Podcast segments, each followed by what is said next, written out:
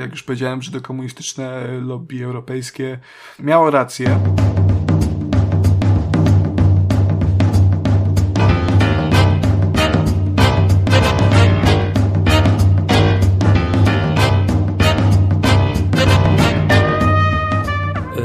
Testowaliśmy już różne bułki i, i grahamki i dzisiaj bułkę rustykalną, wyobraź sobie. Y, I żadne nie są tak dobre, jak po prostu taka zwykła, najtańsza kajzerka. Do Weź, tego celu, wiesz, do tego celu. Aha, do tego konkretnie. celu, no bo no. kajzerka to jest taka w moim odczuciu podbułka. No to jest No dobre... właśnie, wiesz, to jest takie podjedzenie, czyli podbułka się nadaje do tego idealnie. To jest, to jest powiedzmy dobre, bo ja nie, nie robię takich zapiekanek jak, jak ty, e, nie chce mi się. Wolę sobie to Ale co ci się nie chce? Przecież to jest tak szybciutko się to robi, że daj pan spokój.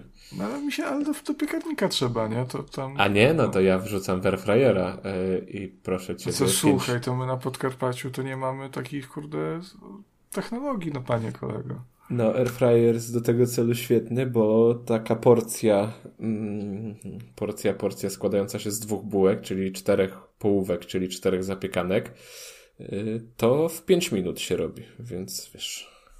No, ale to samo robienie, a jeszcze musisz zasmażyć grzybków, y, serka no nakroić, oj, przestań, przestań, grasz to tyle czasu w te gierki, tyle yy, poświęcasz na to, to pykanie w ten komputer, a na zapiekaneczkę, czy, się śpieszyć będziesz przez zapiekaneczki, to życie. No ale w tym czasie, w którym ja czekam, aż się zapiekanka zrobi albo smażę te pieczary, to mógłbym sobie, no nie wiem, w jakiś hicior pograć najnowszy.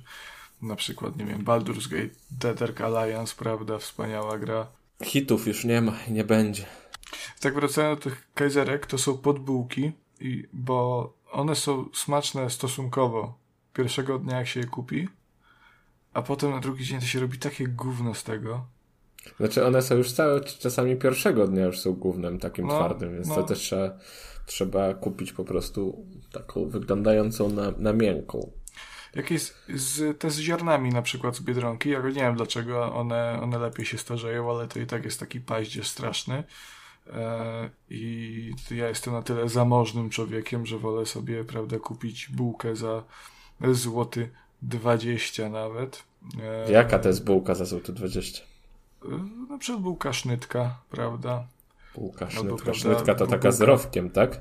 Tak, taka z, z taką sznytką właśnie. Albo jakaś, prawda, z ziarnami mm, tej dyni, prawda, bułka kukurydziana, może z kurkumą bułeczka taka fajna. Ale to, taka to nie będzie pasować do zapiekanek, to wiesz, to koncept zapiekanek No do tego zapiekanek taki, nie jem, no.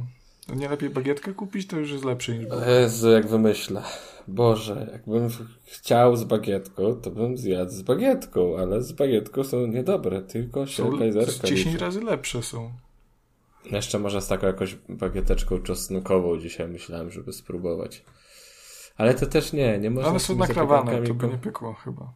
Nie można kombinować, bo już dzisiaj też myślałem, żeby po prostu robić taki sosik pomidorowy na spód jak do pizzy, tam czosnek, oregano i yy, te sprawy, ale to już będzie przekombinowane. To ma być sucha kajzerka, wtedy jest najlepsze.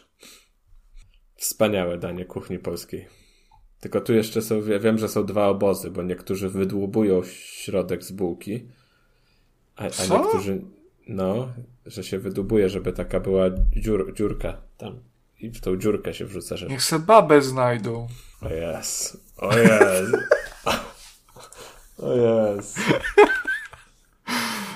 No nie no, przecież to jest bez sensu. To zabijasz no. cały... No, co no ja nie wiem, no to no, całą puchatość tej bułki. No, zostaje taka skóra. Z chlebem se można zrobić takie paski, nie wiem. Robią tak ludzie. Lubią Boże. tak robić. Ja jednak cała, cała bułka u nas idzie. Także witam Państwa serdecznie w 40. jubileuszowym odcinku Trójkastu, który ponownie jest dwójkastem, a dzisiaj oprócz mnie, czyli Jakuba Smolaka, jest jeszcze Konrad Noga. Witam Cię, Konradzie. Witam Państwa na zabawie. Pozwólcie, że się przedstawię. Jestem Konrad, cześć. O, widzisz, ja chciałem Chciałem powiedzieć, że rozpoczniesz ten odcinek żartem, niczym słynny prowadzący teleturniej Familiada Karol. E, no ale Już zacząłeś żartem, nie wiem, czy chcesz drugim żartem zacząć? Yy, bo wiem, że za, za, kulisami coś tam zdradzałeś, że tak, coś tam masz. Tak, bo wszedłem sobie na y, portal perełki.net i tu są faktycznie takie perełki, że ho, ho, ho i jedną ci chciałem opowiedzieć. Ale powiedz mi, czy to są kawały? To są kawały. A czy to są sprośne kawały?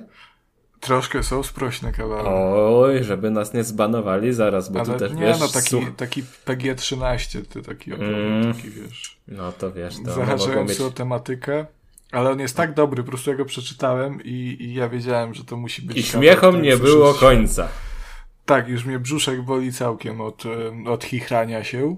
Mm, otóż y, proszę się skupić, teraz to będzie żart.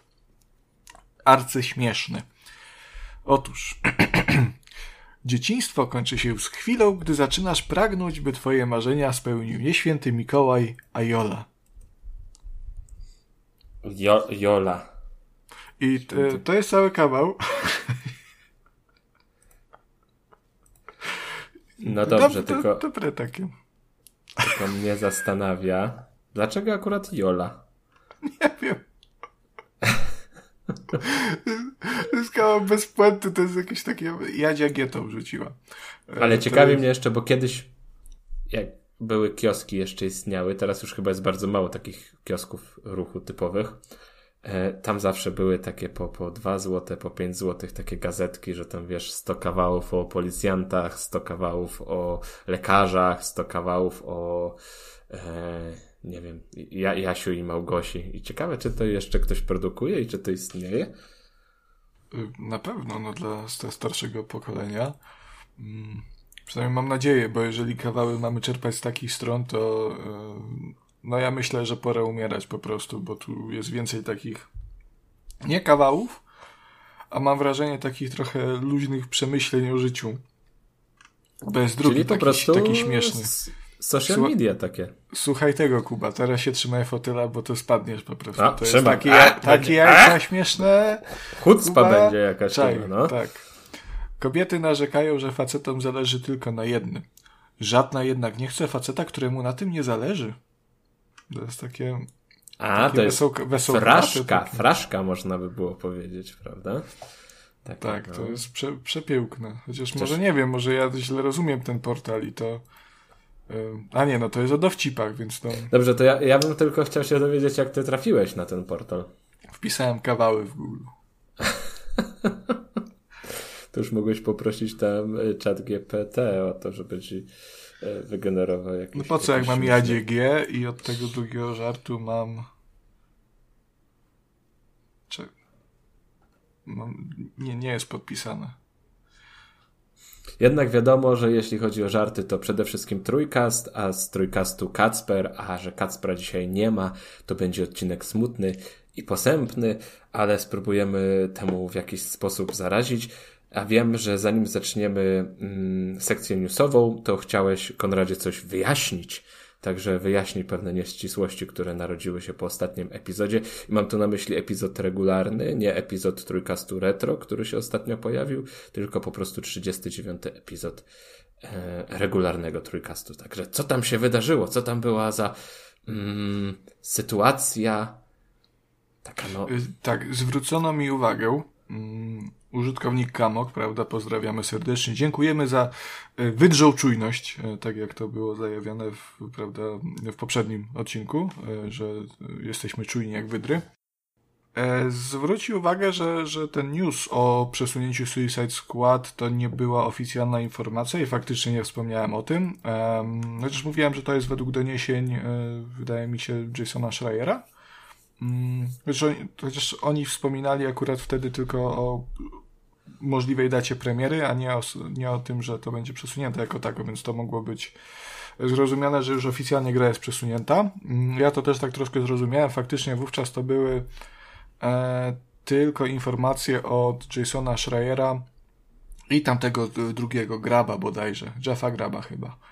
Mm, I cóż, no tu się, tu się zgadzam, tylko akurat no też uważam, że zarówno, no głównie Jason Schreier, bo tego drugiego aż tak bardzo nie kojarzę, chociaż z informacji w sieci, które znalazłem, to też jest to wiarygodna osoba. No uważam, uwa, uważam te, te, tych, tych dziennikarzy akurat za osoby dość wiarygodne, zwłaszcza, że na przykład Schreier ma mm, dość długą historię e, przecieków, które, które potem się sprawdzały.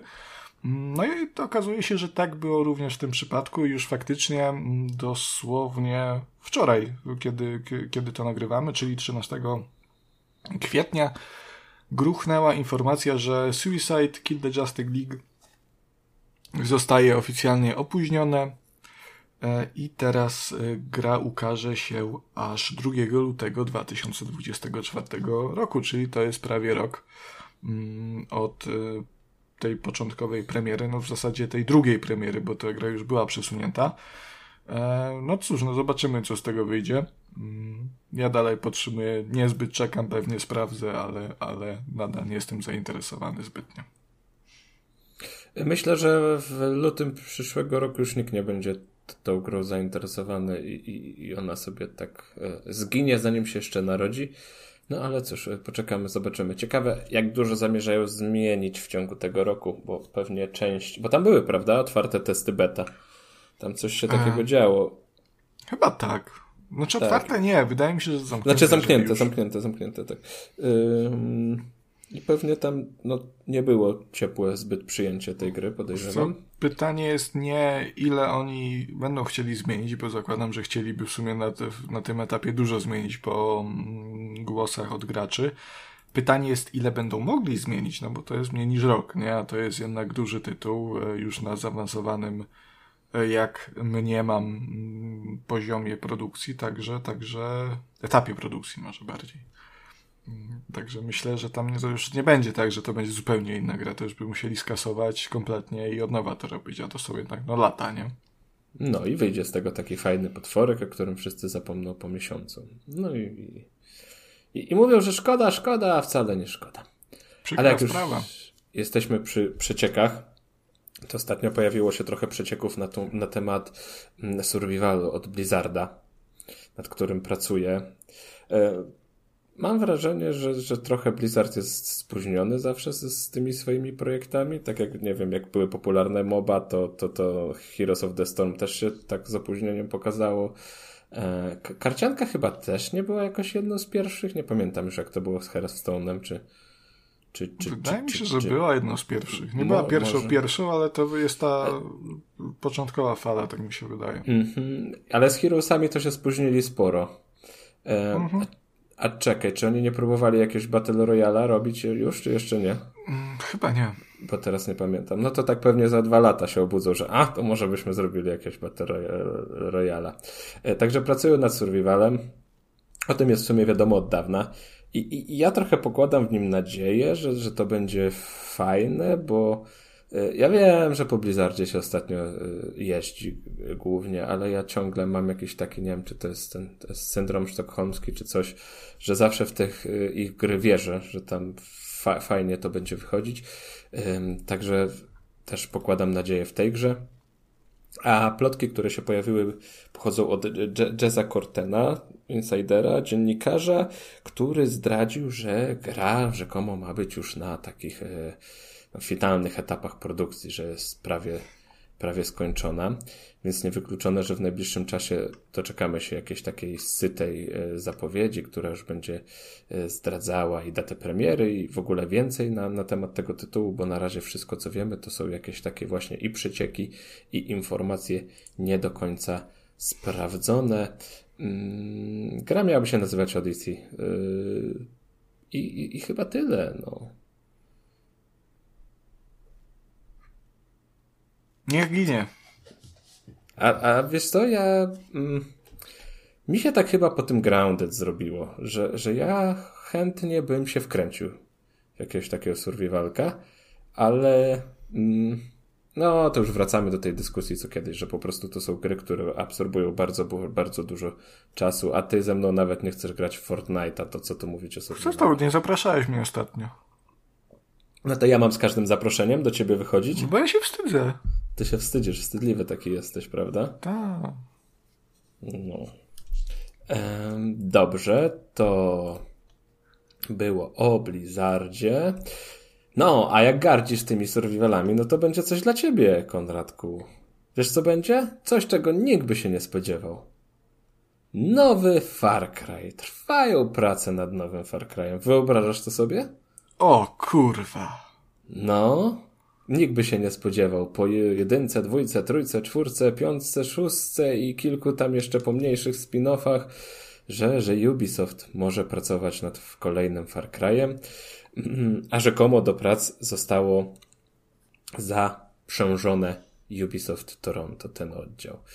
Więc e, no, jakieś tam ogłoszenia o pracę się po prostu pojawiły, które na to wskazują, chociaż tak naprawdę wszystko na to wskazuje, a najbardziej wskazuje na to polityka Ubisoftu, który, który wypluwa kolejnych asasynów, kolejne Far Cry'e i kolejne marki swoje zabija doi i robi z nimi wszystko, co złe i wszystko, czego ja nie lubię, chociaż wiem, że ty w każdego Far Cry'a grasz, tak już naśmiewając się troszeczkę.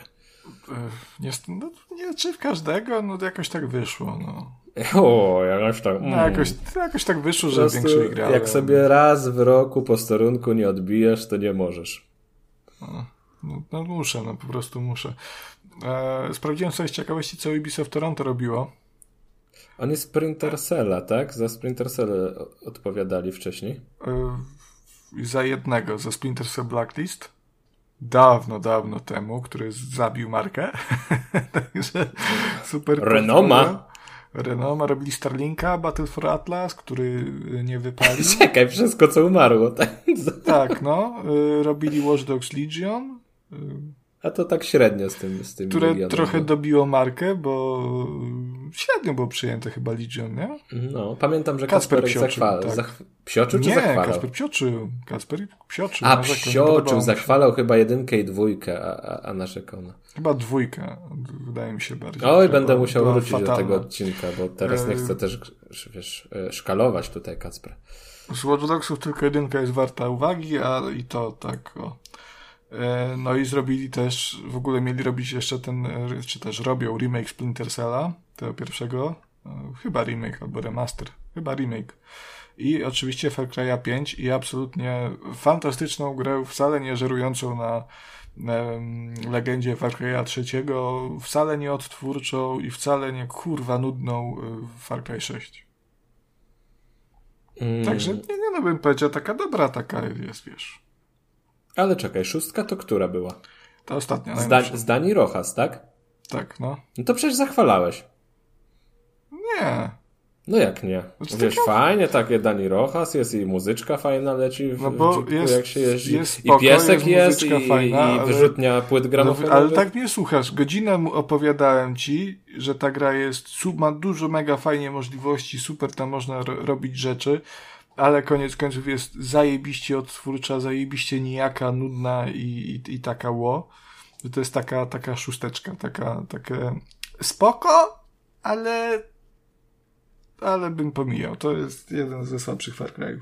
Czyli, czyli klasyczny Far Cry po prostu. Ja z tymi Far Cry'ami to mam tak, że, że czasami jak gdzieś tam na promocji się pojawi jakaś starsza część za grosze, to tak mam, okej, okay, no to może warto zobaczyć, czym się tam, tam świat jara i, i w co ludzie grają teraz w mainstreamie. A ty grałeś jakiegokolwiek w ogóle? E, tak, tak. Grałem to stosunkowo niedawno, nadrabiałem, z dwa lata temu nadrabiałem trójkę, która jest uznawana chyba za najlepszego Far Cry'a. Tak, no. Mm, I co, no nie i... pykło? Nie, no skończyłem tą trójkę. Była spoko. Tam pamiętam, że było sporo, sporo głupot, no ale to w każdym Far Cry jest sporo głupot, takich, takich fabularnych. Mm, ale no, ja tak po prostu jak na ogół w grach staram się nie pomijać dodatkowej zawartości questów pobocznych i aktywności tak, takich, e, szczególnie jak gram w jakieś RPG. E, no bo też wiem, że coś z tego przychodzi, prawda? Lepszy ekwipunek, więcej mhm. doświadczenia, wyższy poziom. Tak, w Far Cry'ach często po prostu główny wątek jak najszybciej do końca i, i tyle. No i grałem w tego takiego. To chyba była piątka. Gdzie ten taki gość? Amerykańskiego. Kult, kult, tak, tego amerykańskiego takiego. No, e, co się chyba dało mieć tam, tam zwierzątka niedźwiedzia się chyba dało mieć i pieska. Dało się, tak, był miś. No i też, też skończyłem, ale no, też no, tak taka jak, głupia szczelanka taka ci powiem. Jak najszybciej, wiesz co, nawet tak może teraz czekaj sobie, zobaczę mm, o tak z ciekawości, no to w piątkę mam wygrane 22 godziny. No to całkiem sporo wydaje mi się, jak nawet to jak na mnie. przejść nawet. No. Także, A nad także... tym, nad Far Cry'em 7 ma jeszcze ponoć brać udział e, w pracach, ma jeszcze brać udział Ubisoft Montreal, czyli to jest chyba ten jeden z tych fajniejszych e, studiów Ubisoftu. E, wiesz, może po prostu niedługo wszystkie studia Ubisoftu staną się jednym e, Ubisoftem, bo Ubisoftowi nie idzie zbyt dobrze w ostatnim czasie, więc, więc może po prostu... Co się stało? Cięcia, cięcia. No, co się stało? No nic się dużego nie stało. No tam zwalniali jakiś czas temu. A to tam, zaś jak zwolnili ludzi, a to norma. E, no, wycofali się z Polski, co najgorzej przecież. Ludziom, ludziom się życie załamało, potracili pracę nie wiedzą, co zrobić, muszą szukać gdzieś nowego, prawda, źródła dochodu, żeby utrzymać rodzinę, opłacić kredyt, leasing. No ale samochód. to właśnie można przecież zmienić Jakub pracę Smolak kredyt. nie stało takiego, no pozwalniali ludzi. No i jeszcze jest, proszę ciebie, Konradku, rewelacyjny teraz y, Ubisoft Plus, mm, który na, na Xboxie. Pewno, na Xboxie, który zdobędzie serca graczy na całym świecie, y, a szczególnie w Polsce rewelacyjną i niezwykle atrakcyjną cenę, bo e, pakiet Ubisoft Plus Multi Access kosztuje 69,99. Mm, czy jako użytkownik konsoli Xbox interesowałeś się bardziej tym tematem? Nie. Ale nie, dlaczego? No to... Czy, czy nie wydaje ci się to super dwóch, atrakcyjną ofertą? Z dwóch powodów. Po pierwsze, nie interesują mnie abonamenty, um, dlatego mam Xboxa.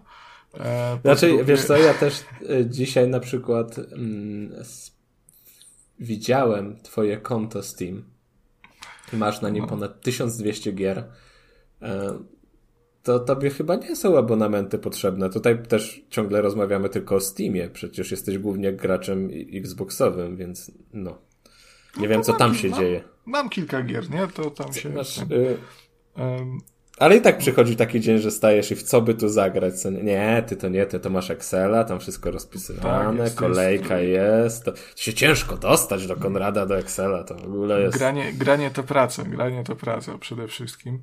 E, no nie interesują mnie abonamenty, wolę mieć coś na własność, wolę jak już gram, to nie mieć tego takiego poczucia tej presji czasu, że e, każda chwila, która, w której nie gram w tę grę, kosztuje mnie pieniądze. Potem nie przejdę i będę musiał, żeby przejść, wykupić drugi miesiąc.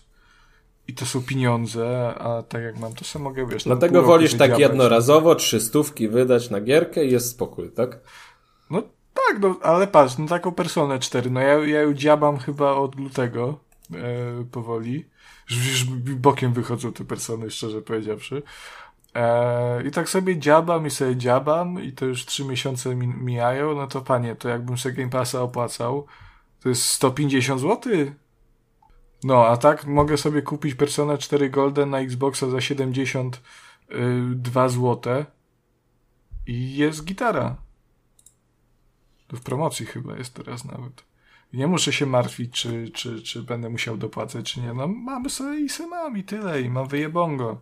Znaczy ja Prawda. powiem Ci, że też od dłuższego czasu e, już nie korzystam z Game Passa nawet, bo po prostu czasowo mi się to nie kalkuluje.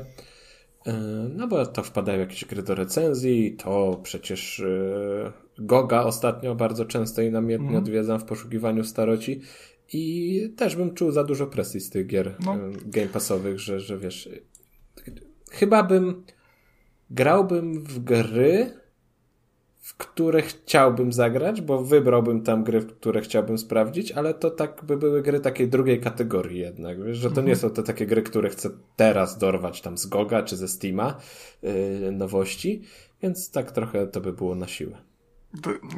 Game Passy i te wszystkie abonamenty są super, jeżeli e, jesteś um, graczem, który sobie chce po prostu pograć. Nie ma, nie ma takiej, takiej potrzeby, jak ja, że kończenia tych gier i, i, i, i takiego, no nie wiem, no dogłębnego ich, ich ogrywania.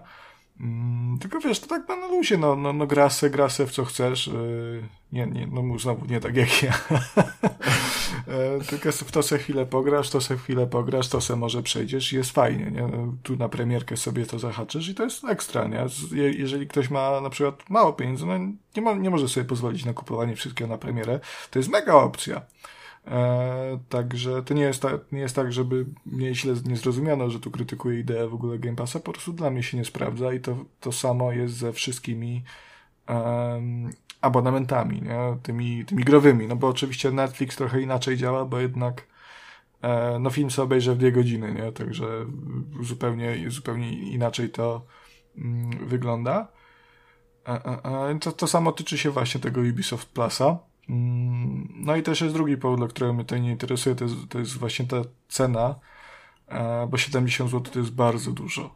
I e, już ten najwyższy, to jest w sumie cena tego najwyższego pakietu PlayStation Plus tak naprawdę, e, tylko że tam jest dużo więcej gier niż jednak chyba w Ubisoftie, tak mi się wydaje. No oni się tutaj coś chyba reklamowali, że ma być ponad 100 gier w tym pakiecie, tak? No to... Ale to, no to też są gry i gry, tak? Tak, to znaczy wiesz, no trzeba pamiętać, że to jest tylko jeden wydawca, więc jakby nie patrzeć gry Ubisoftu znaczy, jak sobie to porównasz, dość... zestawisz z Game Passem, to to nie ma racji w bytu. Tak po prostu nie, po co? Tak, nie? tak. E, bo też no te część gier, które są w tym Ubisoft Plus, to to są stare gry, które na promkach gdzieś można za grosze wyłapać. Mhm. No nie oszukujmy się jedyną fajną rzeczą Ubisoft Plus, która mi się strasznie podobała, przynajmniej nie jak wydaje mi się, że tak będzie podobnie na e, Xboxie, przynajmniej mam taką nadzieję za, te, za tę cenę, e, ale w PC-owym Plusie zajebiste było to, że te gry, które tam już były zawarte w abonamencie, to miałeś je zawarte ze wszystkimi e, dodatkami już. Także jak sobie, nie wiem, odpalałeś Assassin's Creed Valhalla, to już miałeś te tam te Ragnaroki, te inne dodatki jakieś te gdzieś tam we Francji, tam chyba jakiś był. Wszystko, co tylko było wydane do tych gier, no to było już zawarte w abonamencie, także to było super, no bo niestety e, w Game Passie na przykład tych dodatków nie ma i trzeba je sobie kupić e, samemu, z wyjątkami drobnymi, jak na przykład e, Gears of War 5, ale to no wiadomo, to oni zarabiają w ten sposób, nie? Że, że, że mm, gracze kupują te dodatki, jak są zainteresowani, no ale jednak mimo wszystko, jak już płacę, płacę 70 zł, to chciałbym mieć to wszystko. Jako konsument oczywiście. Mm, to jest A jeszcze mi, tyle to jest, ciekawe. To multi... Czekaj, mhm. dokończę jeszcze jedną myśl a propos tego, bo też te gry Ubisoftu, to open worldy, które są chyba takim ich, no, no, no taką wizytówką i to są te ich duże marki, to też są bardzo długie gry zawsze. To są gry, w których tak musisz spędzić około, około 100 godzin. Tak. Więc no. na dobrą sprawę to jest takie 2-3 miesiące grania w jeden tytuł, czyli płacisz, mhm. wiesz, powiedzmy dwie stówy i wychodzi ci, że zdążysz w tym czasie skończyć Ragnaroka na przykład. No. Także to też jest pod tym względem e, nieopłacalne. Można by zaryzykować takim, takim stwierdzeniem. No zobaczymy, no, postałem, że się nie przyjmie i, i albo będą coś z tym kombinować, albo no w ogóle te, te różne abonamenty i usługi to tak średnio się e, przyjmują na rynku, oprócz tych największych. To pozostałe, graczy. no bo EA Play też tak średnio, chociaż EA Play EA Play miał podobny problem, co Ubisoft mi się wydaje, chociaż plusem tej usługi jest, jest akurat cena, bo ona jest stosunkowo tania. No to mimo wszystko wachlarz gier od jednego wydawcy jest dość ograniczony.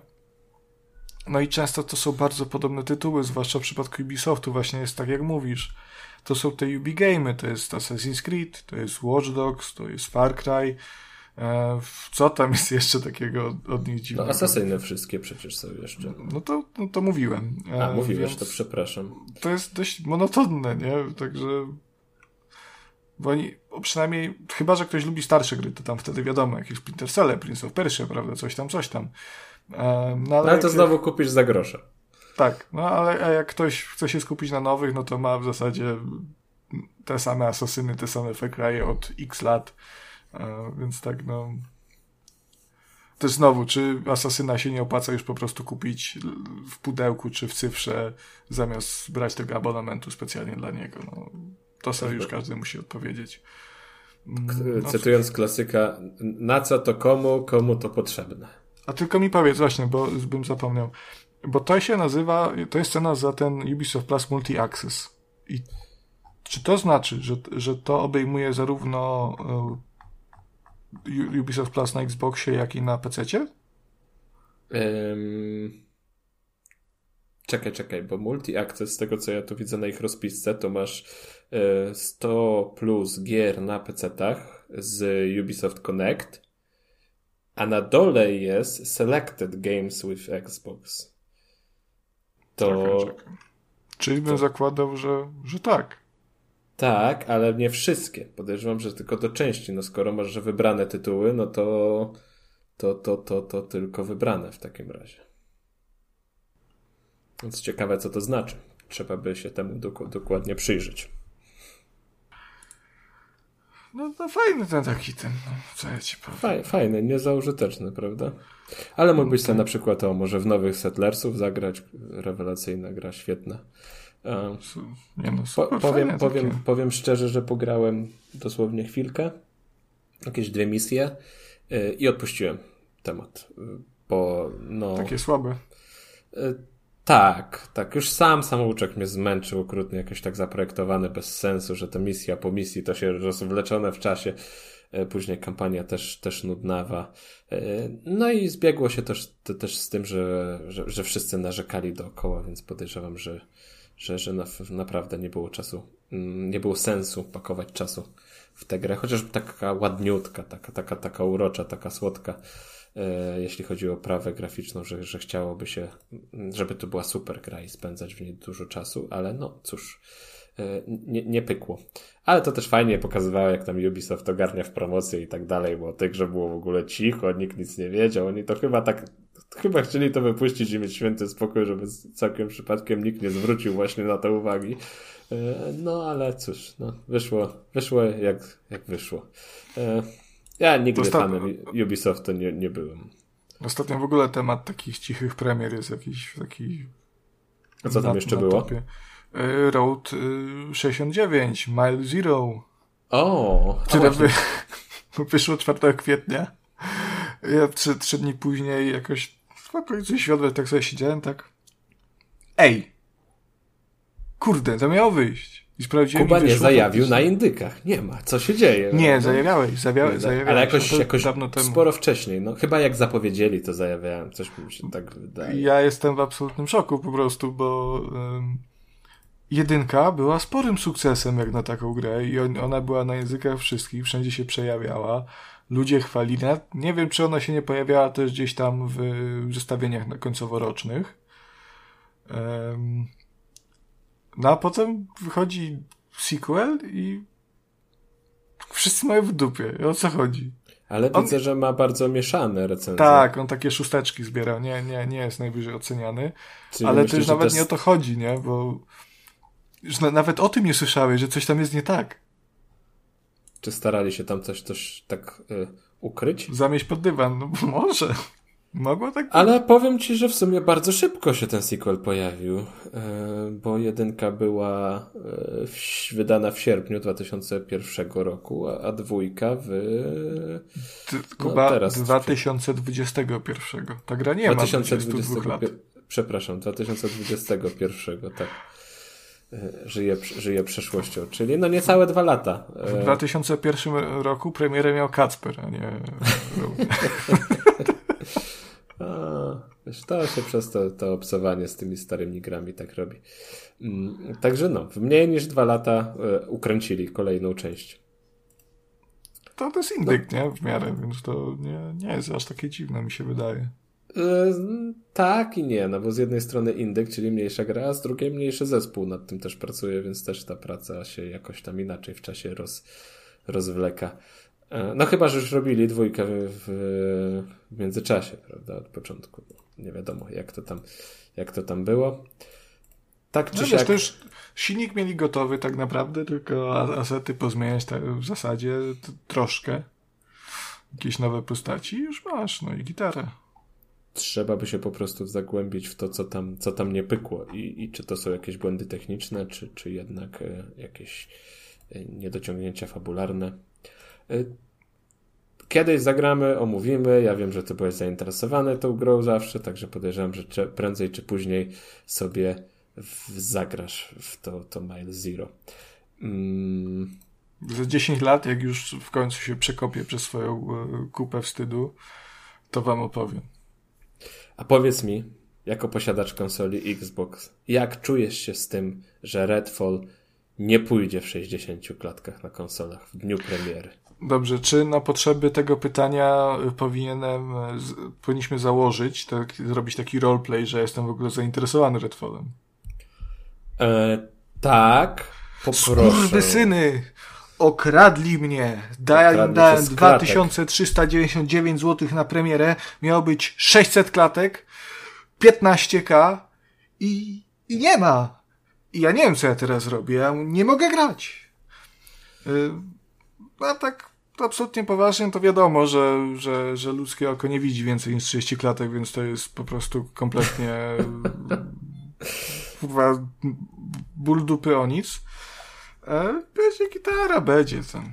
Znaczy nie, no, tak już tak absolutnie, absolutnie poważnie. Tak w sumie mam to gdzieś, nie, no. Mm, lipa trochę i, i, i, i jednak wydaje mi się, że ta generacja powinna celować w te 60 klatek, nawet kosztem tej grafiki bym powiedział, żebyśmy tak przetrzymali sobie jedną generację na takiej troszkę grafice delikatnie lepszej, na podobnym poziomie co wcześniej, ale w 60 klatkach.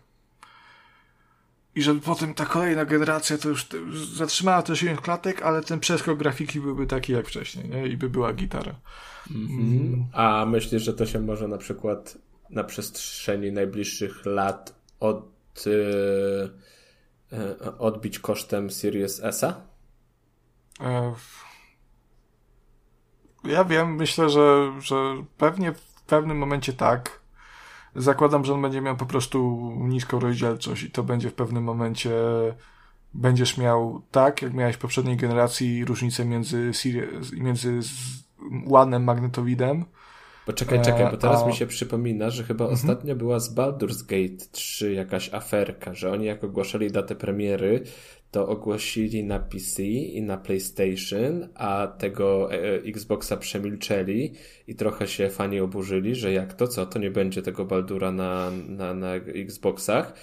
Mm, no i tam po, po jakimś czasie Właśnie pojawiło się sprostowanie, że, że będzie na pewno, tylko nie są jeszcze pewni dnia premiery, bo mają problemy techniczne związane z konsolą e, i tam się chyba rozchodziło głównie, mm, bo tej gry mm, zawsze mają ten mocno kooperacyjny aspekt rozwinięty, mhm. żeby tam się tam grało, dało grać na wspólnym ekranie razem.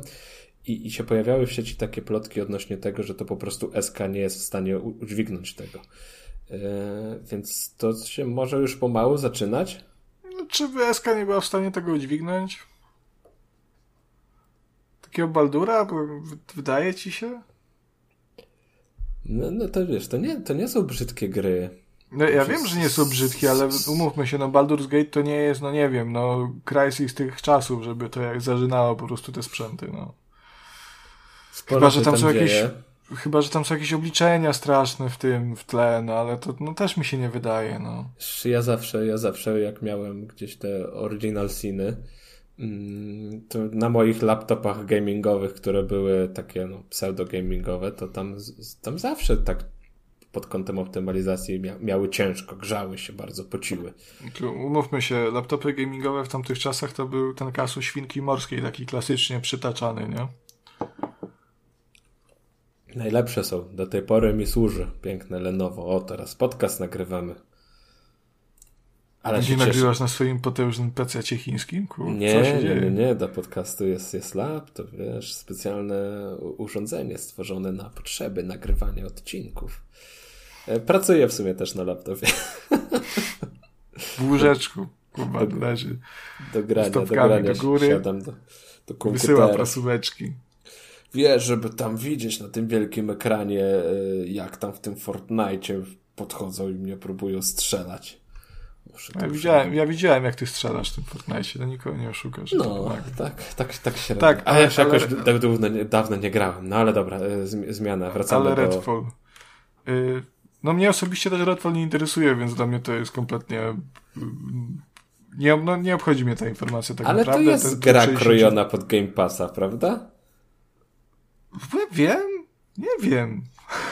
No z tymi takimi multiplayerowymi aspektami, to to chyba jest, tak mi się wydaje, że to jest tak zrobione, żeby to się pochulało trochę w Game Passie i, i, i, tyle, no. No to ale to czekaj, to czyli teraz każda gra z koopem będzie grą do Game Passa? E, troszkę tak. To no pasuje do Game Passa, no ale czy to jest, wiesz, czy to jest tworzone z myślą o Game Passie, to też bym do takich konkluzji nie, nie uderzał, myślę. No grę tworzył taką, no w, w upierzach, prawda? Znaczy wiesz, mi się po prostu wydaje, że dużo łatwiej jest y, zgarnąć, skrzyknąć sobie ekipę na kilka partii, jeśli gra jest dostępna w, no, za darmo, powiedzmy, no to w Game Passie. Y, I wtedy ona troszkę tak dłużej i aktywniej, aktywniej żyje. Mhm. No to się zgadza, to tak, bo no. nie trzeba wydawać kasy, nie? No to jest to, o czym, o czym rozmawialiśmy wcześniej. No ale znowu, no, czy to jest, czy to jest dlatego, że istnieje Game Pass, dlatego jest Redfall tworzony, no. Znaczy, czekaj, co to, co, to, co to było takie, takie, takie, takie, kurcze... Hm, nie pamiętam teraz tytułu. Wiesz co, nasz, nasz, nasz, nasz, nasz redakcyjny kolega Kamil Podryban się w to zagrywał. Extraction? Extraction. Tak, Extraction. no. Ja bym po Extraction nigdy nie sięgnął, jeśli ta gra nie była. Bo ona była w Game Passie, tak? Dobrze pamiętam. Tak, no. Nie była ale... darmowa. Była, czy była darmowa? No nie była darmowa, no była nie normalnie była płatną produkcją. Tak, właśnie. I ja bym nigdy po nią nie sięgnął, jakby nie to, że była w, w Game Passie. No to okej, okay, ale to też nie oznacza, że Ubisoft stwierdził, dobra, panowie, jest ten Game Pass, to nareszcie możemy tego Extraction zrobić, bo inaczej nikt to nie zagrał, a tak to przynajmniej zagrają ludzie. No, Kuba. No nie wiem, mi się jednak wydaje, że gdyby nie Game Pass, to zainteresowanie byłoby znacznie, znacznie, znacznie mniejsze tymi grami. No to jest też osobna kwestia, no wiesz, no chodzi mi o to, dlaczego gra powstała. No pytasz mnie, czy grę stworzono z myślą o Game Passie. Oj, no to wiesz, to mi tak z myślą, to mam tu to takie, że jest tam coś... Yy... Źle pytanie zadałeś. Pytanie powinno brzmieć do twojej tutaj odpowiedzi i tezy, czy zainteresowanie tą grą jest yy, takie, bo zmierza do Game Passa. No, bo jest duże zainteresowanie, jestem absolutnie w szoku, tak szczerze powiedziawszy. Yy, bo to Arkane to robi, nie? E, tak, tak, tak, chyba tak. Bo to, no to to jest gra Arkane, która w ogóle jak dla mnie nie wygląda jak gra Arkane.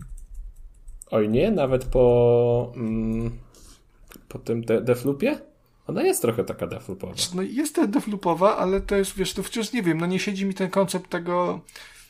To chodzi głównie chyba o to, że ja gry Arkane kojarzę z y, jednak tym single, singleplayerowym doświadczeniem i nawet jak tam ten Defloop, tak? Defloop miał tak, no Dishonor, głównie tak, ale no na przykład też z fantastycznego Arx Fatalis, prawda, nie zapominajmy. A jest, do tej pory czasami tak wiesz, chodzę z psem na spacerze, jest 22, my sobie przechodzimy sobie parkiem i takie mam, kurwa, jak tam się te zaklęcia rzucało? Do tej pory nie rozpracowałem tego systemu i chyba głównie do tego się poddałem. No jak, no normalnie zaklikasz tam chyba kontrolę i się rysujesz. No bardzo nie, fajny nie, system. Tam, jak ktoś, jak ktoś uważa, że Gothic jest drewnem, to nie grał w Arx Fatalis, to umówmy się. E, to jest, to, Arx Fatalis to jest jakby całe drewno z Gotika połączyć z całym drewnem z Morrowinda i z tego w jakiś dziwny sposób wyszłaby bardzo dobra gra. która jest jednocześnie bardzo złą grą, bo ona ma dużo błędów.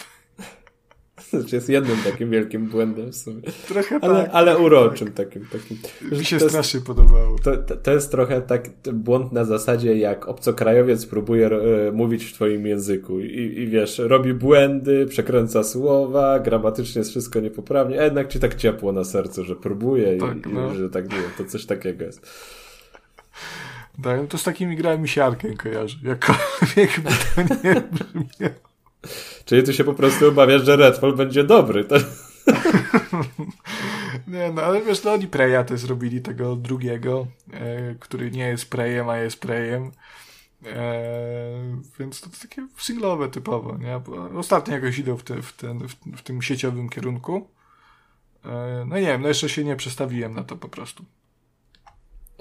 Dobrze. A, a tryb 60 klatek ma oczywiście być, tylko ma być później, co jest w ogóle. No właśnie, a to już w ogóle najgorsze, bo przecież gracze nie mają czasu czekać, tak? To, to jest takie, nie, nie, dobra, dobra, czekajcie, czekajcie, zaraz chwileczkę, poczekaj, my tu, to trzeba na spokojnie, to trzeba, trzeba usiąść, usiąść zapalić. my, to, my to wykminimy. Nie musicie nam po 15 razy przypominać. Jak powiedzieliśmy, że zrobimy, to zrobimy. Czekaj, a jeszcze chcę sobie e, sprawdzić, upewnić, czy premiera tego Redfalla jest 2 maja, jeśli dobrze pamiętam. Tak, czyli już, już całkiem, całkiem, całkiem niedługo. Mm, dobra. E, no i kolejna, patrz, jak dzisiaj wszystko konsole yy, okrawa, jak wszystko konsol dotyka. Company ja of chcia, Heroes. Ja chciałem powiedzieć tylko, przed odcinkiem Kuba narzekał, no jakoś mało tych newsów, no nic nie ma, dobra, to chyba polecimy z tymi kilkoma i chyba minęło już 40 minut odcinka. Tak no bo jak zwykle jakieś tam się off-topy yy, wkradają się. Company of Heroes 3 zadebiutuje Ech. na konsolach i zadebiutuje sobie 30 maja. Także konsolowcy będą mogli pograć w RTS-a z krwi i kości. No Już i... grałem Halo Wars. No. I jak? Spoko. Spoko. A na Company of Heroes cię nie kręci, tak? E, ciekawi mnie, bo. Nie... Znaczy, ja bym chciał zobaczyć, części. jak to działa na konsolach. Wydaje mi się, że spoko. Yy, znaczy jasne, wygodniej będzie grać na PC, to, to absolutnie tutaj nie ma nic do gadania, natomiast yy, wydaje mi się, że konsol, konsole w miarę ok ogarniają już od dłuższego czasu RTS-y. To dalej nie jest gatunek, który jest jak, jakkolwiek popularny na konsolach, bo yy, no mówię, znowu, wygodniej gra się po prostu na, na, na, na, na, na PC, myszką i klawiaturą, jak Pan Bóg przykazał. Mm, sterowanie padem, mimo że działa, to nie jest równie wygodne i, i bywa mało intuicyjne, no ale wiesz, to jakby grałem na przykład The Sims 4, to nie jest RTS, ja wiem, no ale no jakby podobny kasus, jeżeli... Ta sama dynamika, prawda? Y, no chłopie, no to jak tam wiesz, tu ten leci do pracy, tu ci gówniak nawalił w majty, tu musisz się nauczyć po prostu, żeby awansować y, umiejętności technika na poziom 15, tu jeszcze w ogóle się pali, złodziej przyszedł, i musisz przyjaciół robić, dajcie spokój. No to tam naprawdę taki jest mikromanagement, tam em, te APM-y po prostu wchodzą na poziom 300 czasami, nie? Także, także jest, jest srogo, jest srogo, Koreańczycy wy, wy, wy, wymiękają. No ale ograłem na przykład jeszcze w City Skylines też bardzo podobna dynamika.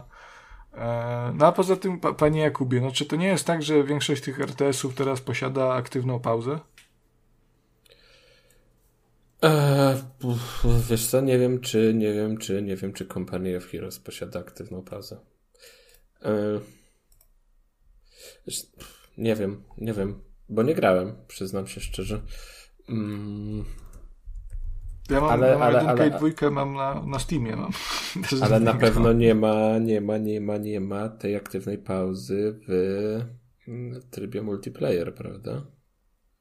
Nie no, chyba jest w tym Company of Heroes 3 aktywna No ale wiesz, też w trybie multiplayer Company of Heroes o ile tam nie ma, wydaje mi się, że tu po prostu nie ma miejsca na to, o ile nie ma e, tego crossplaya z pecetami, to, to wszyscy są jednakowo upośledzeni tam, nie? Także to no jest, tak. wiesz...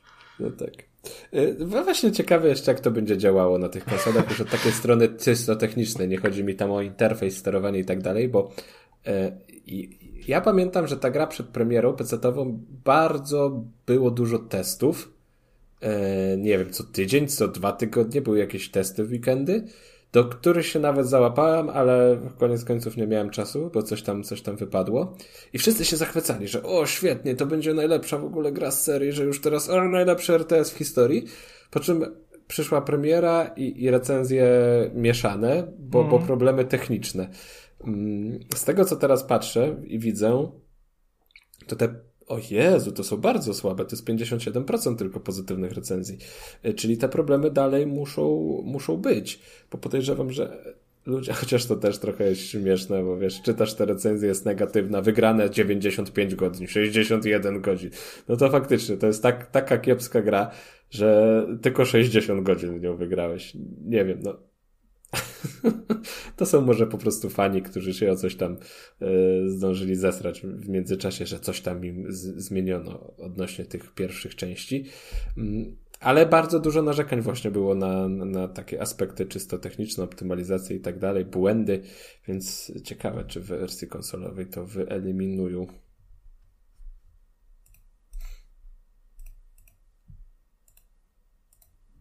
Halo, halo, słyszymy się? A mogą wyeliminować jak najbardziej. Aha, czekaj, czekaj, dobra, bo myślałem, że coś nas przerwało. Jestem zajebisty, bo napisałem ci, że idę, idę kotu dać ryć, żebyś mówił i wróciłem i się okazało, że napisałem na tym, na yy, Discordzie pograne to na blogu. Ale... No, wszyscy czekają na pewno, aż wrócisz i, i nakarmisz, nakarmisz kotka. No dobrze. E, to skoro kot nakarmiony, newsy się skończyły, to możemy przejść do sekcji recenzji, bo dzisiaj indyków y, nie ma, bo nie będę oszukiwał. Znaczy nie no, indyki są, tylko indy Kuba nie przygotował za znaczy, nadchodzących. E, nie wiem, może, może się wypalam, ale po prostu przeglądałem te nadchodzące premiery i, i nic nie było takiego, takiego super, e, co by jakoś zwróciło moją uwagę. Jedyne, co mi się rzuciło w oczy i w czym w sumie byłem trochę zainteresowany, to, to ten taki, taki, taki pikselowy spin-off Lola. E, The spin-off Lola jakiś wyszedł? E, będzie wychodził. A. Mm, The Mage Seeker, to się chyba nazywa. Myślałem, że może Rotfla. E, znaczy, wiesz co, oni w tym roku to zapowiedzieli chyba trzy takie właśnie mniejsze, mniejsze produkcje, które gdzieś tam się rozgrywają w świecie Mm, w świecie Lola. I to jest gra robiona przez twórców Moonlightera. O! Mm, no. Widzisz, ja ci może to podeślę, bo to jest bardzo ładnie wyglądająca gra. E, taka, taka typowo e, indycza, czystej krwi ta oprawa jest. Ale jako, że na tym no, no pieczę wydawniczą sprawuje Riot, to nie byłem taki do końca przekonany, czy, czy to czy to jest prawdziwy indyk, czy to jest tylko taki, taki malowany indyk, więc nie chciałem go tutaj wrzucać. Kuba, Kuba tylko w trójindyki, nie? Żadne tam udawańce, przebierańce. Oj, bo to tak, tak wiesz, tam takie no. Indie scena dla indyków. Właśnie, tylko, tylko prawdziwe indie. E, tak czy siak, no mogę dodać tylko, że premiera 18 kwietnia. Mm, no, może ktoś się, ktoś się zainteresuje. To takie 2D RPG akcji, fantazy. E, będziemy, będziemy grali takim panem magiem, który jest rządy zemsty i będzie chodził po świecie i zabijał. Dobrze, no to w takim razie, jeżeli już żeśmy tak pogadali troszkę o indykach i przy tych indykach jesteśmy, a, a to zacznijmy sobie e, segment recenzji od Ghostwire Tokyo, e, w której miałem przyjemność ostatnio zagrać, dzięki uprzejmości Bethesdy. Mm, Czekaj, bo teraz... dziękuję. Próbuję połączyć wątki. Czekaj, co się stało? E, widzisz, ja tu ci taki, wiesz, taki zrobiłem Star Wars, ten Star Wars The Last Jedi, nie? To tak myślałeś, że będzie tak, a jest tak. No nie ma łatwo, chłopie. Um, I tak sobie myślałem, jak tę recenzję ugryźć i wydaje mi się, że tej gry po prostu nie będę recenzował, e, bo nie ma sensu. W sensie spokojnie, jak ktoś z Bethesdy tego słucha, chill, zaraz będzie, czekajcie. Już tłumaczę dlaczego, o co chodzi, ponieważ dość taką długą dyskusję na temat Ghostwire Tokyo e, mieliśmy w Trójkaście w odcinku 22 zatytułowanym Dialog, e, kiedy tu obecny razem ze mną Gagatek, e, prawda, Jakub Smoli Smolak e, dyskutował na ten temat, na temat tej gry wraz z Kacper, Kacperem Kacprzakiem Cembrowskim. Mm, pierwszy grał to na komputerze, drugi grał to na e, PlayStation 5. Tak? Miał już wtedy Kacper PS5? Miał chyba, nie? No, na czymś musiał grać. Na czymś tam Kacper grał w to. Może to była czwórka, może to była piątka. Nikt nie, nikt nie wie, nie wiadomo. Yy, I obu wam się ta gra podobała, z tego co pamiętam, nie? E, podobała się, ale też narzekaliśmy na, na mm, niektóre rzeczy. Z tego co pamiętam, najbardziej narzekaliśmy na system walki, który był taki trochę. E, E, fajny przez pierwsze 15 minut, a później po prostu nie było w nim głębi.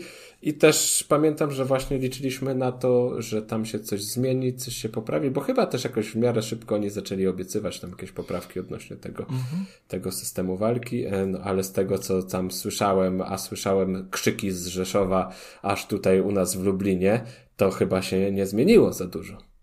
Yy, co, wydaje mi się, że nie. I teraz tak jeszcze tłumaczę, że ja tego nie będę recenzował, po prostu to nie będzie taka recenzja samej gry, jak to tam wypada, no bo nie ma sensu, już o tym żeśmy rozmawiali. Więc też tu Kuba by przysnął, potem by narzekał, że znowu długo opowiadam. E, jak po ostatnim regularnym odcinku. Patrz, jak będzie wypominał każdy E, więc, no bo to też nie ma sensu, no już to, ta gra jest na rynku ile? Z rok spokojnie, nie? Czy, czy więcej. Mm, no także, rok, rok, rok, rok. No rok, rok, no to rok będzie. Podejrzewam, że mieli po prostu tą wyłączność na, na rok. E, tak, tak. I teraz Microsoft się dorwał do tego i, i psuje grę. E, wiadomo, i na PlayStation 5 już chodzi gorzej ta gra. E, Także tylko tak opiszę z grubsza o czym to jest i, i potem skupię się na tym, jak to wygląda na Xboxie i, i co tam jest nowego, bo, bo to jest w zasadzie ciekawsze, nie? Niż, niż znowu opisywać jak się w to gra i co tam się dzieje, jakieś tam swoje przemyślenia zawrę oczywiście i co mi się tam nie podobało, natomiast no to nie będzie taka dogłębna recenzja, nie, nie ma sensu moim zdaniem. E, w skrócie, no Ghostwire Tokyo to jest gra z gatunku chujwico, bo teoretycznie w zasadzie to jest taka trochę strzelanka, ale strzela się z palców. No, Przygodowa gra, super, ekstra. Yy, przygodowa gra. Zakładam, że słychać kota który się tam gdzieś przewala po prostu. Tak, ale też słychać takie dziwne uderzenia, więc nie wiem, co się dzieje. To jest kot. To jest kot. Y, kot skakuje na framugę drzwi i niszczy uszczelki, a potem y, wskakuje na ścianę i niszczy tapetę. Bo przed chwilą miałczał, była głodna, dałem jej jeść. Więc oczywiście jak kot zjadł, to kot dostaje pierdolca i dostaje ataku mani. Biega teraz wszędzie, wspina się na wszystko. Także możecie sobie pomyśleć, że to jest taki japoński duch, to jest taka, nie wiem, moja kappa tutaj, która nawiedziła mnie na czas re recenzji Ghostwire Tokyo na Xboxa Series X. Zaraz się będzie e... darł o papier toaletowy. E, nie, bo papier jest bezpieczny, to już wiesz, to jest wszystko jest tam. Papier jest drogi teraz, taki dobry czterowarstwowy, to, to ten, to, to się ceni. E, wracając, Ghostwire Tokyo. Yy, to jest, no mówię, no, przy, przygodowa gra akcji, akcji Kuba to no, nazwał, natomiast no ja bym, ja bym się trochę pod tego FPS-a yy, troszkę skupiał, tylko takiego bardzo słabego FPS-a, bo ten system walki jest yy, raże dziwny, no bo, no bo no, on jest fajnie dziwny, bo to jest strzelanie z palców japońską magią, tam się strzela jakąś tam wodą, yy, płomieniami różnymi takimi, to się nazywa tkanie w ogóle i bardzo fajnie to wygląda. Te, te gesty, które są wykonywane przy e, przygotowywaniu tych czarów są super. Mm, no i jako, że są te różne typy tych czarów, no to, to troszkę wypada jak broń, nie? bo tak naprawdę ta magia wody to jest taki shotgun, e, magia wiatru to jest taki pistolet, e, a magia ogni no to jest, no nie wiem, no to jest baz bazuła, nie? Bo jak rypnie to inoros. No, Nawet łuk tak, jest jakiś, tak, tylko to chyba mhm. było na takiej zasadzie, że, że każdy z tych żywiołów miał takie swoje dwa ataki, co nie? Jeśli dobrze pamiętam, że na przykład mogłeś strzelać małymi fireballami, a mogłeś zrobić takiego dużego, dupnego firebola. Tak, no to to jest, to jest przygotowanie, tak, tak, tak. To, to, to, to tak samo jest tutaj. Jest, nie zmieniło się Kuba. Jest, Czyli jeszcze tak masz samo. po prostu rodzaje amunicji w każdej broni, co też się często w grach zdarza. Tak, no, no taka strzelanka, nie strzelanka, coś takiego specyficznego. No ale to, no, już, ale... Jest, to już jest fajne samo w sobie, bo wiesz, to jest, nie jest właśnie jest kolejna fajne. strzelanka, tylko Owszem, to jest ten sam bardzo... schemat, ale, ale inaczej podany. Koncept mi się bardzo podoba, tylko chciałbym, żeby on był wykonany po prostu lepiej. Bo nie wiem jak jest na PC, bo ty grałeś pewnie przy, jak zwierzę przy pomocy myszki i klawiatury. E, w FPS? Tam... Nigdy. O, no i szanuję. E, no i... e, Ghostwire Tokyo pod względem rozgrywki i pod względem tego, jak tam się chodzi i się strzela, jest absolutnie fatalne z jednego prostego względu. E, ktoś genialny w Bethesdzie wpadł na pomysł, sorry, nie w Bethesdzie, bo to jest gra, którą stworzyło Tango e, Workshop, tak? Gameworks. Gameworks, dobra. Blisko, ta, tego Gameworks.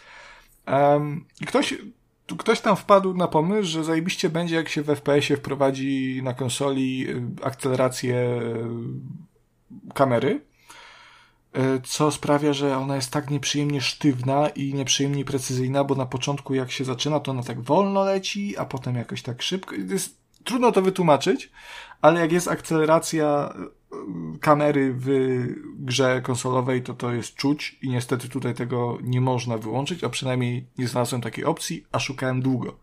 Przez co ta walka jest trochę upierdliwa. Ona jest, jak się przyzwyczai do tego, ona jest całkiem przyjemna, ale to też nie jest nic specjalnego. To jest, bo jest. E, to jest też gra w otwartym świecie, wiadomo, miliard zadań pobocznych, e, poza głównym wątkiem, rzeczy do zbierania, tysiące ty, ty, ty, tych dusz y, ludzi, których porwało, bo właśnie o tym nie wspomniałem. E, najwa najważniejszym Kuba mi tu wyjechał z tym, ze strzelaniem. Um, to jest fabularnie, to jest gra, w której chłop imieniem Hania, w tej, w tej takiej masce z okładki, e, no coś tam jakąś manianę odwalił i wszystkich ludzi w Tokio tak wzięło ich nie ma. No zniknęli ubranka, same zostały. Mm, no i naszym celem jest tutaj psikus nie y, przywrócenie ich do życia i dowiedzenie się, co się stało, tylko y, uratowanie na, siostry głównego bohatera, która została przy okazji przez tego Hanie e, porwano, porwana, a że y, psikus też polega na tym, że na początku, jeszcze zanim w ogóle to się za, zaczęło, to giniemy w wypadku motocyklowym e, i duch pana imieniem KK, czy też o pseudonimie KK, e, nawiedza nasze ciało i wskrzesza nas niejako, na, na, dając nam te, tę możliwość tej magii, e, no to on nam w tym pomaga, prawda? I on jest tam w sumie główny, który te, chce tego Hanie e, powstrzymać. Nas, nas obchodzi siostra. To jest zarys fabularny, prawda? Mm, no i ci ludzie, którzy zniknęli, oni pozostawiają te swoje dusze i tam jakieś te, te demony japońskie, nie okami, tylko yaoi też nie, yaoi to są inne demony. Yokai. Yokai. E, te, te demony yokai e, je tam też porywają w takich w ogóle mm, dziwnych sześcianach metalowych zamykają i je wysyłają w powietrze. To jest w ogóle japońska gra, nie? No właśnie miałem mówić, że nie czepiaj się. Nie czepiaj się, bo ja wiem, w co ty grasz i to, co teraz opowiadasz, to brzmi yy, no zajebiście logicznie. Ja jestem, ja jestem na wyjściu z japońszczyzną ostatnio. Nie? Jak się kapnąłem, że w sobie go słuchałem, to jest kolejna japońska gra, już tak usiadłem. Jest kurwa kwiecień. Ja zacząłem w te japońskie gry grać w grudniu zeszłego roku. Ja już trochę mam dość. E, no ale fabularnie jest okej, okay, nie? Ja tej gry nie skończyłem, tu się przyznaję, jestem jakoś tak około połowy. Um, ale fajnie to, fajnie to wypada, te przerywniki są, są całkiem nieźle animowane, jest ogólnie, ogólnie bardzo spoko. Natomiast no to Tokio też jest w ogóle przepiękne, bo wygląda super ładnie, te, te różne y, światełka, nie światełka, deszcz, no pod względem wizualnym jest naprawdę sztos, o ile nie liczymy modeli postaci, bo są takie ło. Mm, fajne są. Ale chodzi fajne o samych tych bohaterów, co, co, co powiedzmy. Tak, o ludzi, o ludzi, ludzi bo te, ludzi, te, tak. te yokai to już wiadomo, to nie muszą być tak realistyczne i one wyglądają naprawdę fajnie, no to jest wzięte z japońskiej tam mitologii, także w ogóle super. Japońskie najlepsze. Y, chociaż osobiście uważam, że mogłoby być tego więcej trochę. Eee, przynajmniej w tyle, ile zagrałem, to jakoś tak nie wiem. Myślałem, że to będzie jeszcze więcej tych demonów, a w zasadzie atakują mnie głównie e, chłopy w garniturach i z parasolkami. No, to jest takie... I dziewczynki szkolne, bez głów. E, spoko, ale, ale liczyłem troszkę na więcej. Mam nadzieję, że to się jeszcze zmieni e, w dalszym O, już chyba nie. Gry. Chyba nie, czyli chłopy. Okej, okay, dobra, no to okay, super. E, zawiadam się, jeżeli chodzi o misje poboczne, e, bo też miałem nadzieję, że to będzie jakoś bardziej z tymi różnymi demonami e, powiązane. Mm, I poza w zasadzie jedną misją, w której, w której gadałem z Tanukim, czyli to jest taki japoński szopracz powiedzmy, który w ogóle w polskiej wersji zajebiście mówi, bo tam, że to zagaja do ciebie, że tam, ej ziomeczku, chodź tu, nie? Rozumiesz co mówię? Ach, git, chodź, dawaj. Powiem ci co i to jest przeurocze i każe nam swoich innych ziomeczków tanu, tanukowych szukać.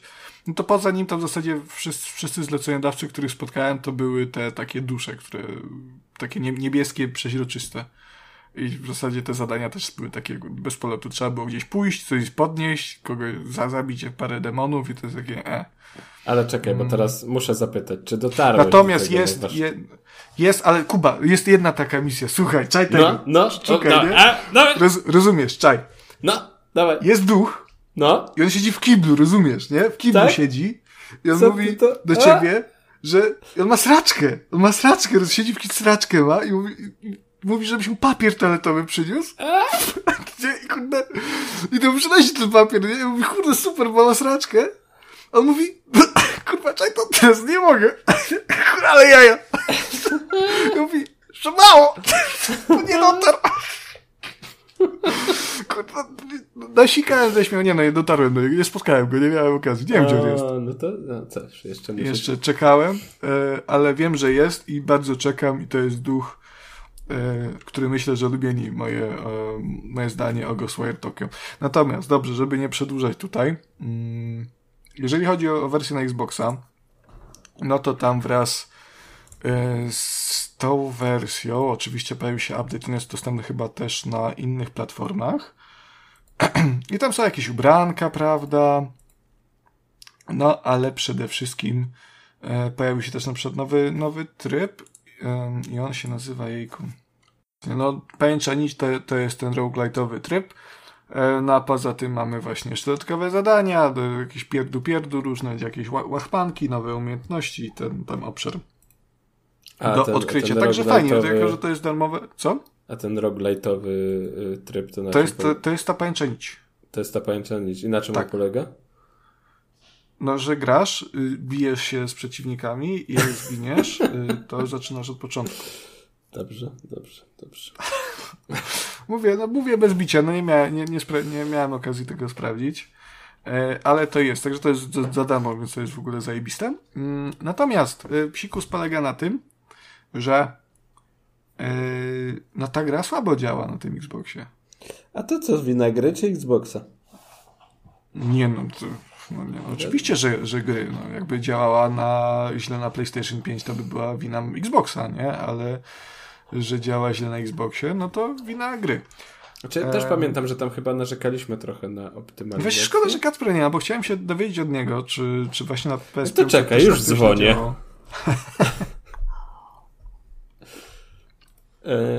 jeszcze- ja, ja pamiętam trochę, chyba jak Ray Tracing się odpalało, to, to były takie, takie istotne Mm, No to sprawy. nie, to tutaj Ray Tracing nie ma, nie ma wpływu na to, jak ta gra działa. I miałem E. problem z przerywnikami filmowego, filmowymi, że niekoniecznie mm, jakby działały w zwolnionym klatkarzu.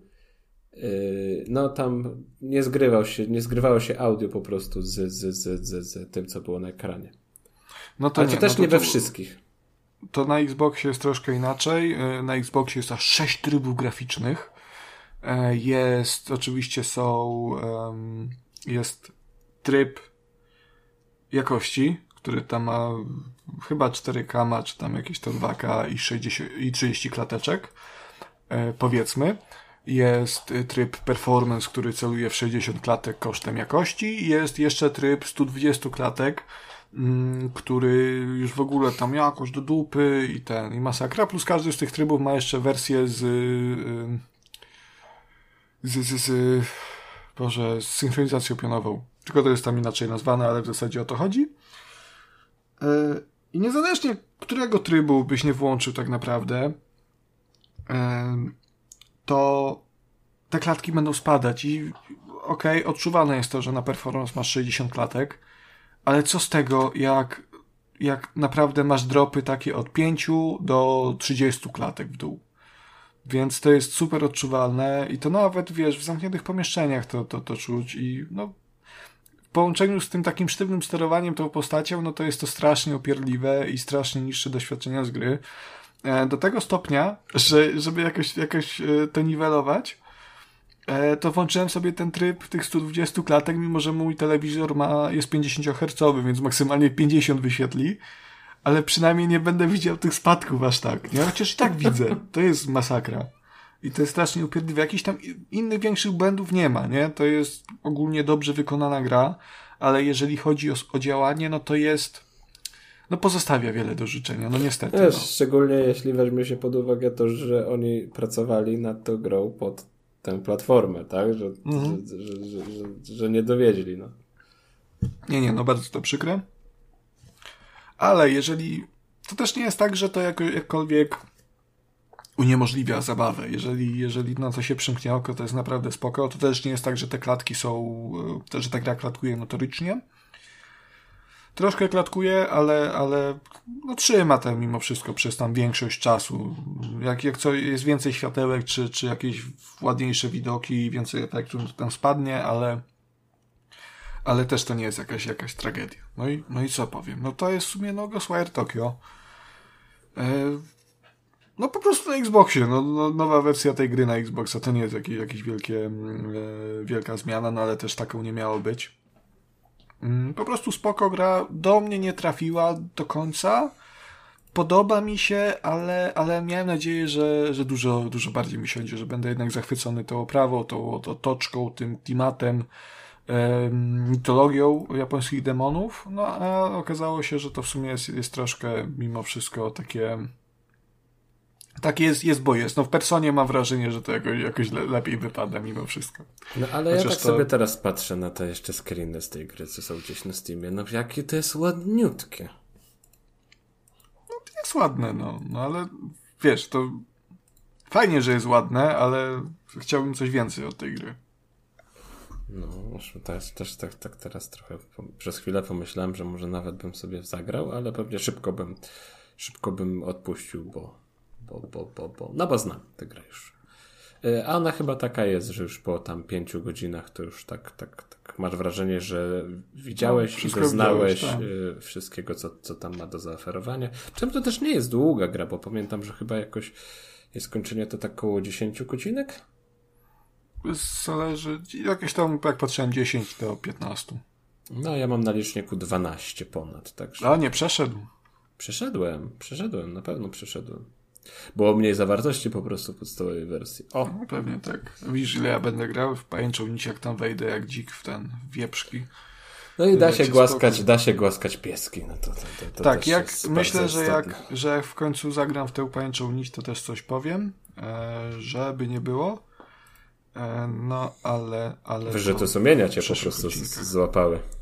E, nie, no wiesz, no mówię, no miałem dość teraz y, ten początek miesiąca zabiegany, bo też no, zmieniałem pracę i różne takie tych gier do recenzji też miałem całkiem sporo, mi się narobiło.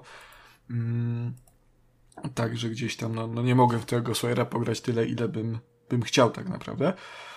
E, no bo na przykład, no to już wcześniej trochę grałem, ale grałem na przykład w, mm, również w dodatek najnowszy do Forza Horizon 5. No bo wiadomo, że żadnemu dodatkowi nie można przepuścić, prawda? Nie no, kurde, dobra, tam dodatki dodatkami, prawda, ale tam jakoś pajęczą nić to, to wiadomo, ale kurde. Wiesz, ja mam czasem tak, że po prostu widzę, że tam zapowiedzieli DLC do jakiejś dwuletniej gry i mam takie po co te dodatki? Przecież nikt już nie zagra w ten dodatek. I nagle tak z zapleców, gdzieś tam ze ściany słyszę Konrad zagra.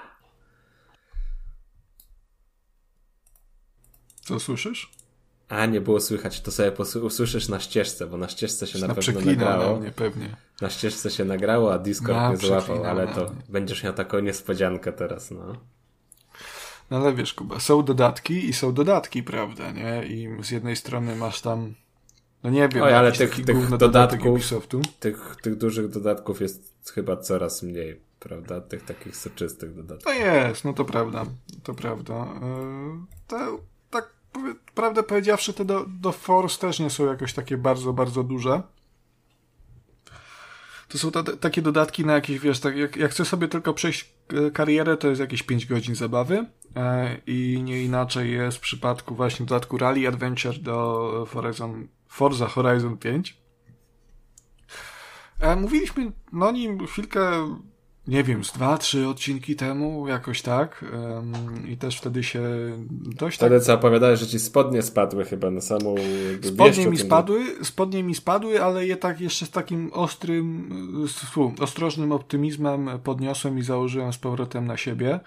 Eee, bo mimo wszystko, no, Forza Horizon poszła w takim kierunku, ob, obecne części są zupełnie inne niż, niż te pierwsze, zwłaszcza niż jedynka która była takim doświadczeniem dość zamkniętym. Tam w ogóle jeszcze nie było możliwości jeżdżenia takiego offroadowego, to wprowadzili w dwójce.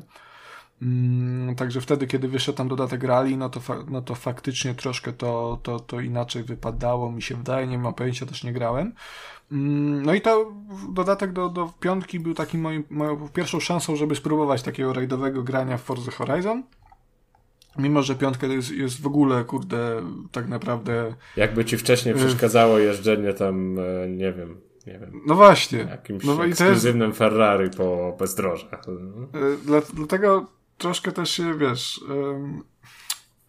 Zastanawiałem się, co może ten dodatek tak naprawdę wprowadzić, żeby to odróżniało go jakoś od tego, co było. No bo Meksyk jest pełen bezdroży. Jest pełen jakichś takich krętych, dziwnych uliczek. E, tam się jeździ na przełaj, to jest no, bardzo offroadowe. E, no i się okazuje, okazuje, że można, nie? Bo no, bałem się, że to będzie taki bezpłciowy dodatek tak naprawdę, że tam będzie, nie wiem, ten Ford Focus tylko i tyle, a okazuje się, że mm, no, twórcy pomyśleli troszkę, jak to Że, że jest jeszcze Subaru. Nie ma Subaru, no, no to o, o, tym zaraz powiem. Subaru było w podstawce, ale do samochodu przejdziemy, przejdziemy później, bo też to chcę poruszyć. I e, tak, mi się ten tak bardzo podobał. E, wiem, że nie, nie, nie, nie wszystkich oczekiwania spełnił. E, Szymonowi pozdrawiamy, chyba, chyba z tego co widziałem na Twitterku. Nie przypadł do końca do gustu. E, mi siadło. E, fajne jest to, że mamy tę nową kampanię. W ogóle uderzamy do, na, do nowego obszaru. Tutaj nazywa się on Sierra Nueva. To jest wysepka w pobliżu Meksyku, która jest w zasadzie takim stworzonym tak mi się wydaje. Nie wydaje mi się, żeby to była prawdziwa lokacja, e, ale mogę się tutaj mylić, nie, nie, nie, da, nie gwarantuję tego. W każdym razie ta wersja Sierra Nueva z mm, dodatku jest takim stworzonym przez Playground Games e, placem zabaw dla domorosłych rajdowców, pełnym właśnie bezdroży, krętych uliczek, kanionów, prawda, tam klifów, gdzie tam się pędzi. I ta kampania też została skierowana w taki sposób, żeby mm, była nastawiona na rajdy. I to jest doświadczenie zupełnie inne niż to, co oferuje Forza e, Horizon 5, ta podstawka. Bo tutaj w zasadzie nie ma miejsca na e, używanie skrótów. Nie jest tak jak, jak podstawce, że mogłeś sobie z linii mety, z linii startu do mety pojechać na przełaj przez y, pola i lasy. Można było? E, tutaj mimo wszystko... Co? A, można było tak? To pewnie. Chyba, a chyba coś kojarzę z takich Nie, nie wszędzie, czas, bo mimo wszystko wyścigów. tam były checkpointy, ale były takie, takie e, konkurencje, gdzie po prostu mogłeś na przełaj pojechać i nikogo to nie obchodziło. Mm, tutaj tak w ogóle nie ma. Tutaj te checkpointy są jeszcze gęściej e, poustawiane i trzeba jechać wyznaczoną trasą, trzeba jechać tymi krętymi dróżkami. E, I to jest super. Zwłaszcza jeżeli przełączymy sobie tryb na, mm, z tego standardowego na rajdowy. E, co to oznacza? W zasadzie tylko tyle, że wyłącza ci tę linię pomocniczą, która jest od kilku lat standardem w grach wyścigowych, która pokazuje ci trasę, nie? Takie zielone strzałeczki na jezdni. Mm, I fajne jest to, że można sobie to wyłączyć tylko dla, dla tego dodatku. Czyli e, jeżeli chcemy sobie rajdowo pojeździć w taki sposób, jak Pan Bóg przykazał, czyli słuchając tylko i wyłącznie e, podpowiedzi pilota, który tutaj też jest, mm, tak najbardziej możemy i nie, nie musimy się potem przeklikiwać z powrotem przez menusy, kiedy tylko zachce nam się pojeździć, e, nie wiem, Hot Wheelsami z drugiego dodatku albo no, zwykłym tam Ferrari po Meksyku w wyścigach z podstawki. Nie? To jest moim zdaniem super i, i osobiście polecam bardzo e, wyłączyć sobie te linie pomocnicze, skupić się na tym, co mówi pilot. E, no zwłaszcza, że umówmy się, no Forza Horizon 5 jest, nie jest to symulator, nie jest to, nie, no nawet Simcade to jest tak, tak już bardzo, bardzo leciutki, ten model jazdy jest super przystępny i super łatwy do opanowania, e, nawet w tym wariancie symulacyjnym, który, symulacyjnym, który sobie, sobie włączyłem. Mm, także te wyścigi się, te rajdy się, się po prostu przejeżdża, ale to doświadczenie tego, że jeździ sobie tą trasą, masz tego pilota e, i ta trasa jest z góry wyznaczona, jeździsz też na, na czas, nie? Bo to jest też super, że każdy e, każda konkurencja ma ten tryb rajdowy i tryb wyścigowy, czyli tę samą trasę możesz przejechać tak jak w standardowej Fordzie, zwykły, Fordzie, zwykły wyścig, z innymi ziomkami na trasie, ale możesz też właśnie rajdowo, czyli jedziesz tylko ty i konkurujesz z czasem z czasem innych no, no nie tyle graczy, co, co innych rywali, ale to jest, że to jest Forza, to, to są ludzie z twojej listy znajomych. Także, także sorry Szymon, pozdro, poćwicz. Dobrze, Za każdym razem dobrze go, ładnie, no i pewnie, tak trzeba. Dlate, dlatego mu się pewnie nie podobał ten dodatek, no co ja mogę. E, I to jest fajne, to jest takie przyjemne, e, lekkie, idealny wstęp tak naprawdę dla niedzielnego fana rajdów w WRC, żeby sobie w to wejść i potem może kiedyś przejść tam na jakieś WRC i w końcu na e, masochistyczne Dirt Rally, nie? tylko tak, troszkę mam wrażenie, że twórcy nie do końca wiedzieli, czym ten dodatek ma być. E, bo jasne, mamy w tytule rally, czyli, czyli te rajdy, więc to jest dodatek rajdowy. Mm, no ale e, z jakiegoś kurde powodu e, mamy na, trasie dużo takich, na mapie dużo takich mało rajdowych odcinków specjalnych, czyli w ogóle na jakichś wydmach dziwnych czy coś. Z 15 nowych samochodów tylko jeden jest samochodem rajdowym, to jest ten Ford Focus, pozostałe samochody to w zasadzie są jakieś takie terenówki, czy, czy, czy ciężarówki po prostu terenowe. I tak sobie człowiek tak, tak patrzy na to i sobie na co to ma, co to ma wspólnego z rajdami w ogóle? Po, po co to? Komu to potrzebne?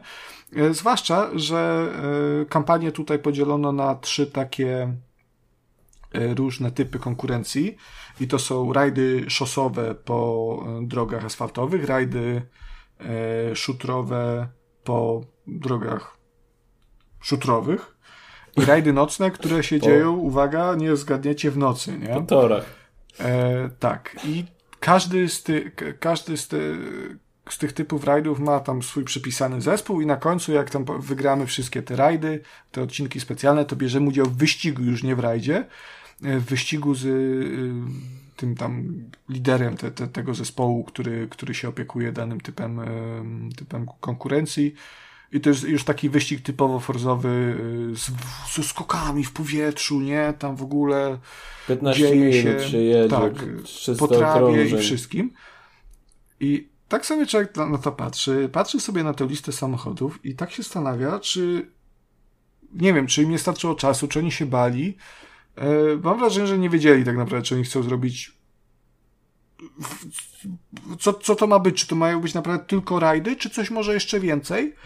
Bo mam wrażenie, że w ogóle super by to wyszło, gdyby to był faktycznie taki pełno-rajdowy yy, dodatek. To znaczy, gdyby zamiast tych trzech typów konkurencji, które umówmy się, no podzielenie rajdów na szutrowe, asfaltowe i nocne, to jest takie tak naprawdę no, mogliby tego nie robić. Tak, nie? Tylko, mogliby to pomieszać. Taka podstawa po taka. No. Tak, tak. Zwłaszcza, że Forza Horizon 5 miała y, cykl dnia i nocy, nie? Więc w ogóle what the fuck. I dlaczego zamiast, zamiast tego nie zrobili rajdów w WRC i rajdów w stylu rajdu Dakar? I wiesz, dla mnie to by miało wtedy zajebisty sens. Masz te normalne E, normalne te rajdy w WRC, tego nowego Focusa, bo tam w podstawce było od cholery, wiesz, Subaru, Mitsubishi Lancerów, e, Toyotów Corollów chyba też jakiś pewnie się znajdą, czyli tych takich rajdowych klasyków. E, I teraz w tym dodatku doszło, doszłoby te 14 tych ciężarówek terenowych, które by miały tu swoją konkurencję, które by już miały te faktycznie takie te normalne wyścigi, powiedzmy te takie Dakarowe. No one chyba e, też bardziej pasują do Dakarów po prostu. No, no tak, no, no bo no nie jeździ się w WRC ciężarówkami, nie? To chyba, chyba, że o czymś nie wiem.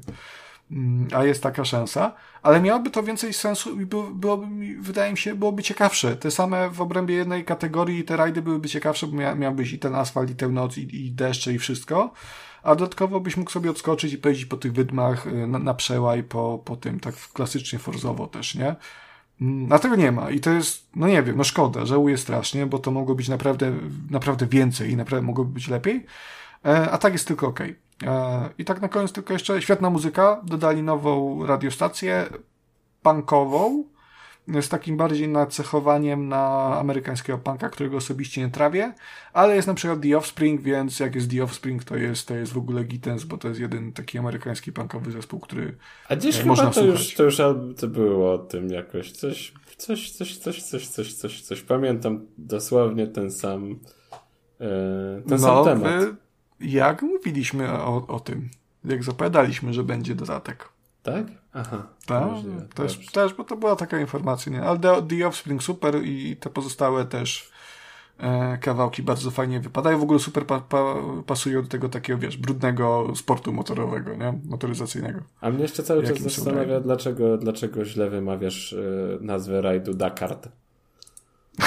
rajdu Paryż-Dakar. No tak, no żeby, żeby wiedzieć o co chodzi, to zapraszamy do odcinka któregoś wcześniejszego. któregoś z 39 e, wcześniejszych odcinków. Chyba nie, nie, chyba nie, nie, nie zgadnę. Ja, ja nie będę nawet strzelał, bo to wiesz. Chyba początkowa 30 to była na pewno. Także tam zajrzyjcie i. Po prostu trzeba z trójkastu słuchać, słuchać od początku. Right Paris Dakar, tak. E... No i, i, tak to jest, Kuba, no co ja ci powiem, no. Dobrze, dobrze. To jak teraz rozmawiamy już o pustkowiach, to ja ci opowiem o takiej grze, która też w jakiś sposób do tych pustkowi nawiązuje. A mowa tutaj no, o... No całe szczęście, Kuba, bo tyle gadałem, że już trochę trochę tej wody w Nilu upłynęło. Ale kurczę, płynne przejście, to, to, to dychnij sobie, zrelaksuj się. Takie ja ci... Płynne przejście po fakcie, nie? Spóźnione, ale jest. E, tak, także ja opowiem o grze Terra Nil, mm, którą miałem na radarze już od, od dłuższego e, czasu, bo zaintrygowała mnie pomysłem na siebie. I, i, I dowiozła, od razu powiem, bo przyjemnie się zaskoczyłem, bo jest to w sumie gra inna niż gry, w które grałem do tej pory. E, widziałem jakieś nawiązania do Factorio. W Factorio nie grałem, więc tutaj bezpośrednio tych gier nie, nie porównam, ale gdzieś tam e, mignęło mi, że, że e, niektórzy wskazywali, że jest to takie odwrócone Factorio. Może tak jest. Ja postaram się trochę od, o, opowiedzieć o tej grze, a jak tak faktycznie jest, to sami sobie mm, już na to pytanie odpowiecie. A o co chodzi w Terranil? W Terranil o to, chodzi o to, że musimy sobie e, zrekultywować planetę, Ziemię, poprzez zrekultywowanie jej określonych obszarów. Jest takie słowo zrekul... Już zapomniałem tego słowa. Patrz, zrekulto... Nie, zrekultu właśnie zrobić to, tak, e, co, co trzeba zrobić. E, teraz już będę miał problem z tym słowem do końca recenzji. Zrekultywował? Zrekultywować. O, jest takie słowo, prawda? Jest. Nie, nie, nie zmyślam, wiem. Nie zmyślam go sobie, albo nie robię tutaj jakiejś wrednej e, kalki. Sterraformować też chyba się mówi. Rekultywować. Zrekultywować. Rekultywacja. Mogę Zniwelować. Coś, mogę coś zmyślać. Sterraformować na pewno to terra. Terroryzować możesz też. Też by, też by pasowało. Generalnie o to chodzi, że wpadamy na obszar, na którym nie ma nic oprócz gołej, zniszczonej, wypalonej doszczętnie ziemi i zrujnowanego ekosystemu. Mm. I my musimy go po prostu odbudować.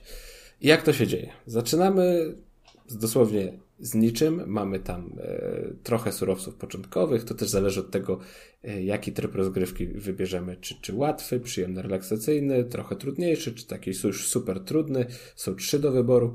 Mm, ja sobie grałem na tym średnim i, i, i uważam, że to był umiarkowany e, poziom trudności. Taki, taki no, jak na pierwszy raz dostatecznie, dostatecznie podkręcony.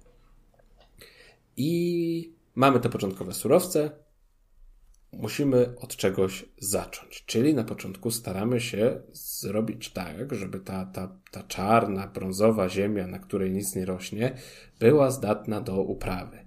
Więc tam sobie stawiamy jakieś pierwsze budynki, korzystając z tej puli zasobów, które mamy na początek. To jest tylko jeden zasób, to są takie listki, ale można to podkręcić, bo pod złoto, że to są po prostu, po prostu pieniążki. Musimy wydawać pieniążki, żeby coś zbudować, czyli, czyli klasyka.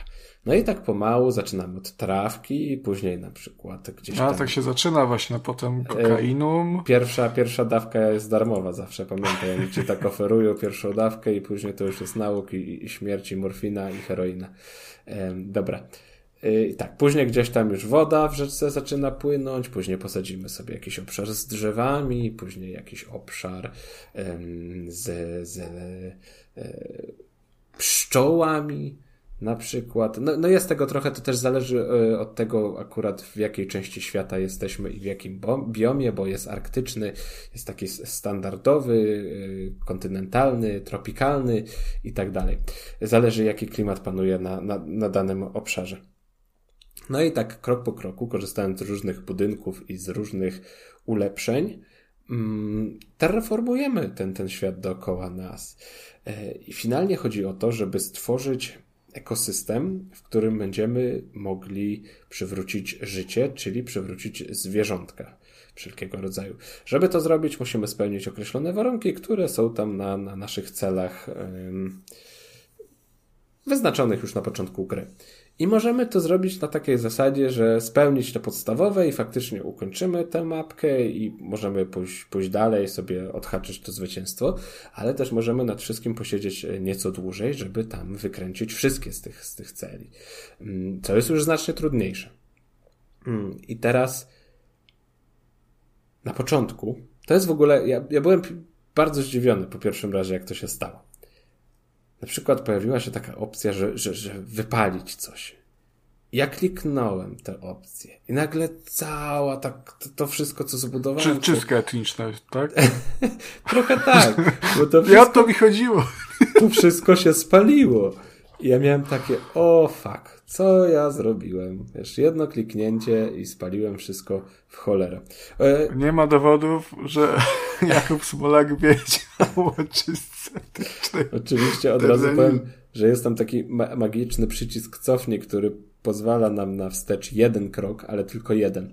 E, ale do czego zmierzam? Otóż w tej grze, żeby budować, trzeba też jednocześnie niszczyć. I widzisz, to, że ja spaliłem gdzieś ten las, tę trawę, to spowodowało, że ziemia stała się żyźniej, żyźniej, żyźniejsza. Bardziej żyzna. E, I, i mogłem, no i mogłem tak, po, posadzić coś, coś na niej nowego, coś innego, co mi było też potrzebne. E, to trawę. Tra więcej trawy. I, so, I, są tutaj takie, takie zależności. Też masz na przykład, wiesz, podnosisz temperaturę planety poprzez instalację jakichś tam specjalnych urządzeń.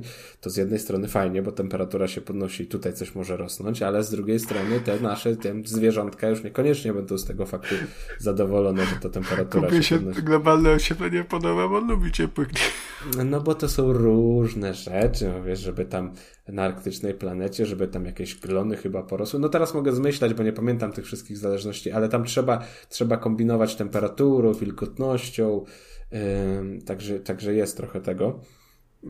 W tym, jest, w tym jest całkiem sporo głębi. Jeśli chce się tak wszystko rozplanować, no... w ogóle, nie wiem, ja miałem tak, że nie byłem w stanie, wiesz, spojrzeć na mapę, na, na jej budowę i tak wiedzieć, ok, to od razu to będzie tu, to będzie tu, to będzie tu, to będzie tam. Nie, ja sobie tak musiałem metodą prób i błędów, czyli grałem pierwszy raz, coś mi tam nie wyszło, no to wczytka po, z poprzedniego zapisu, z poprzedniego etapu, bo można się cofnąć. No i dobra, to teraz już zrobię to inaczej, to inaczej, to inaczej. No ale ten plan znowu gdzieś tam zawiódł, więc jeszcze jedna powtórka, e, aż, do, aż do skutku. I tej gry się tak trochę uczy. Podejrzewam, że jak się w nią pogra dłużej, to, to, to można złapać taki system, który wiesz, oglądasz, spoglądasz na mapę i o, to tutaj będą rafy koralowe, tutaj będzie las, tutaj będzie rzeczka, e, tutaj trochę lodowca jakiegoś i wszystko się ładnie zepnie zepnie do kupy. Mm, no i jak już tak sobie, bo na początku stawiamy bardzo dużo budynków i faktycznie wiesz, mamy takie, no dobra, z jednej strony piękny krajobraz, tutaj jakieś lasy, tutaj plaże, e, wieloryby sobie tam skaczą i wszystko pięknie, ale jednak nazostawialiśmy dużo tych, tych budynków, tego metalu i cały szkopuł polega na tym, i to mi się chyba najbardziej podobało, że już na sam koniec, kiedy masz przewrócone te ekosystemy, zwierzątka już są w, te, w tej twojej krainie, musisz po sobie posprzątać. Czyli budujesz taki statek i musisz się pozbyć wszystkich budynków, które postawiłeś, a dzieje się to poprzez recykling czyli e, są specjalne budynki albo taka sieć kolejek, którą musisz w ogóle tam poprowadzić dookoła wyspy, dookoła tego obszaru, bo to nie jest wyspa, dookoła tego wyznaczonego obszaru, który masz tam zagospodarować i po prostu musisz te wszystkie swoje budynki wycofać. I jak wycofasz już ostatni, łącznie z tą, z tą kolejką, o której wspominałem, to wtedy te wszystkie materiały z tego recyklingu powodują, że ten twój statek jest ukończony i możesz sobie odlecieć z tej, z tej, z tej części planety i sobie spoglądasz, jak tam e, pięknie to wszystko zrobiłeś, zbudowałeś, stworzyłeś. Są te bagna, są te zwierzątka i nie wiem, co tam są. E, wilki chyba były, niedźwiedzie, ptaki, ta kuna, łoś, bóbr, to są polskie Jenot. zwierzęta. wiesz, rozwiesz. I to jest na końcu masz taką satysfakcję, że wiesz, że, że zostałeś ten, ten pioch yy, i gruzy, a jednak o, troszkę pracy, godzinka i pies piękna kraina, kwitnąca miodem. To jest Polska jest po. Polska jest. Tak. To jest trochę tak, jak właśnie, wiesz, no nie wiem, e, Jacek Sasin na przykład byś mu zlecił coś takiego, że wiesz, i on to wszystko, wszystko ogarnął i jest elegancko mm, zrobione, tak jak powinno, powinno być. Wspaniały człowiek. Wspaniały. No, przede wszystkim przedsiębiorca. Człowiek roku. E, Dekady. No, i, I tak. I ja, prawdę mówiąc, na początku myślałem, że, że Terra Nil to będzie taka bardzo relaksacyjna gra, przy której się, wiesz, wychillujesz, bo taka też jest a ładna jest. Ma ład, ładną. Jest bardzo ładna. Ona jest taka poprawę. lekko cel shadingowa, nie? E, tak. E, I, I możesz sobie bardzo przybliżać yy, i oddalać te, ten ekran, czyli wiesz, możesz sobie tam nawet na, na te kwiatuszki spoglądać i na drzewka z bliska, jak i na całą tą, tą krainę, więc to się przyjemnie obserwuje i myślałem, że to właśnie będzie taka gra w takim, takim duchu zen a jednak się okazuje, że, że trzeba myśleć i trzeba myśleć całkiem sporo, bo ta ilość zasobów jest, jest ograniczona. A właśnie, widzisz, jeszcze nie powiedziałem, mm, pamiętałem, żeby o tym wspomnieć, jak się, jak się te mm, pieniążki, czyli te listki zdobywa. Otóż oprócz tej startowej puli też dostajemy je za dobrze postawione budynki i za dobrze zagospodarowane pola. E, czyli jeśli coś postawimy w odpowiednim miejscu i dobrze, to jeszcze dostaniemy z tego tytułu te nowe środki, a jeżeli coś postawimy w nie do końca odpowiednim miejscu, no to je stracimy tylko i wyłącznie wydamy. Czyli też już na tym etapie trzeba kombinować co, gdzie i jak postawić, żeby było jak najlepiej, jak najmniejszym kosztem i jak najwięcej profitu z tego mieć dla siebie, bo no, te pieniążki jednak tutaj potrafią się, się szybko skończyć, jeśli, jeśli o to nie zadbamy. Hmm. Nie tak jak mówiłem, no, no trzeba pomyśleć grając w Terranil. To nie jest, to nie jest e, kolejny, nie wiem, mm, Dorf Romantic na przykład, który jest typowo chilloutową grą. Tutaj jednak, tutaj jednak co, coś tam się dzieje. E, są takie elementy typowo gry logicznej, czyli, a nawet jest taka mechanika, że musisz tam kamienie przerzucać. Masz specjalną katapultę, gdzie ten kamień poleci, żeby tam sobie wbudować tam następny przystanek dla tej kolejki. Także też trzeba nad tym wszystkim e, myśleć. Bardzo polecam chyba fanom strategii po prostu, takich, takich strategii logicznych, mm, a też polecam po prostu. Takich ekonomicznych bym powiedział bardziej. E, no, ekonomicznych to tak, tak średnio, bo tu jednak wiesz, nie ma tego całego mm, budowania tego silniczka ekonomicznego, mm -hmm. że, mhm. że, że, że to, to, to, nie ma tak, że tam stawiasz kopalnię okay, i te kopalnie ci przynoszą, przynoszą dochód, albo masz jakieś określone budynki, które ci cały czas generują. E, wiesz, nie, nie ma tu podatków, e, które możesz tam ściągać od ludzi, po prostu musisz, musisz dobrze budować, żeby myśleć nad tym, jak budujesz. Czyli to jednak taka bardziej, bardziej gra, gra logiczna, mi się wydaje. E, ale bawiłem się świetnie, ciekawy pomysł mm, z tym wszystkim. Sporo pracy musiało kosztować wymyślenie tego wszystkiego w taki sposób, żeby to właśnie sobie tak, tak, tak mądrze działało. Także jestem pod wrażeniem, szczerze przyznam. Terranil gorąco polecam. A wiem, z nieoficjalnych źródeł wiem, że grałeś w podobną grę. Bo, bardzo podobną grę. Tak, tak, bo obie z tych gier były reklamowane jako taki odwrócony City Builder. E, tak, i w moim przypadku jest to gra. I tutaj od razu tylko chciałbym podziękować za udostępnienie kluczy do dwóch następnych produkcji, bo po tej drugiej to akurat trochę będzie głupio dziękować, e, ale to do tego przejdziemy potem. E, Better Gaming Agency, którzy, która, która to też firma dostarczyła e, mi klucze do obu tych gier, właśnie mm, do tej pierwszej też, czyli to jest Flooded. Właśnie Jakuba zajawił, to jest gra reklamowana jako odwrócony City Builder. Co to może znaczyć? To jest, to jest pytanie, bo to jest w sumie termin, który można się gdzieś tam domyślać, ale tak trochę to nie znaczy nic, bym powiedział. Mm, no otóż chodzi o to, że we Flooded, i to jest polska gra, zrobiona z tego, co pamiętam przez jednego, jednego człowieka, e, Flooded ma ciekawy pomysł na siebie. E, I to, że to jest odwrócony City Builder oznacza mniej więcej tyle, że nasza mm, nasze miasto, które, które, które mamy, zamiast rozrastać się, e, kurczy się, ponieważ to jest znowu gra ekologiczna, prawda, e, która tutaj mm, promuje e, wartości żydokomunistycznego lobby europejskiego, które, prawda, atakuje nas tutaj takimi rzeczami jak jedzenie robaków i i, i, i, i prawda, elektryczne samochody, dajcie spokój, w ogóle absolutna y, tragedia, jak tak można. Mm, Właśnie Oczywiście żartuję, teraz... żeby nie było, żeby nie było. Fajnie, że to podkreślasz, bo teraz tak sobie pomyślałem, że jak na przykład, wiesz, my udostępniamy te, te nasze odcinki na YouTubie i tam masz podzielone na sektory poszczególne, od której do której minuty jest dana recenzja. Jak tak sobie ktoś wejdzie, żeby sprawdzić recenzję konkretnej gry, to to ma taki wstęp, że... Myślisz, że do segmentu z recenzją Flathead powinniśmy dodać żółte napisy?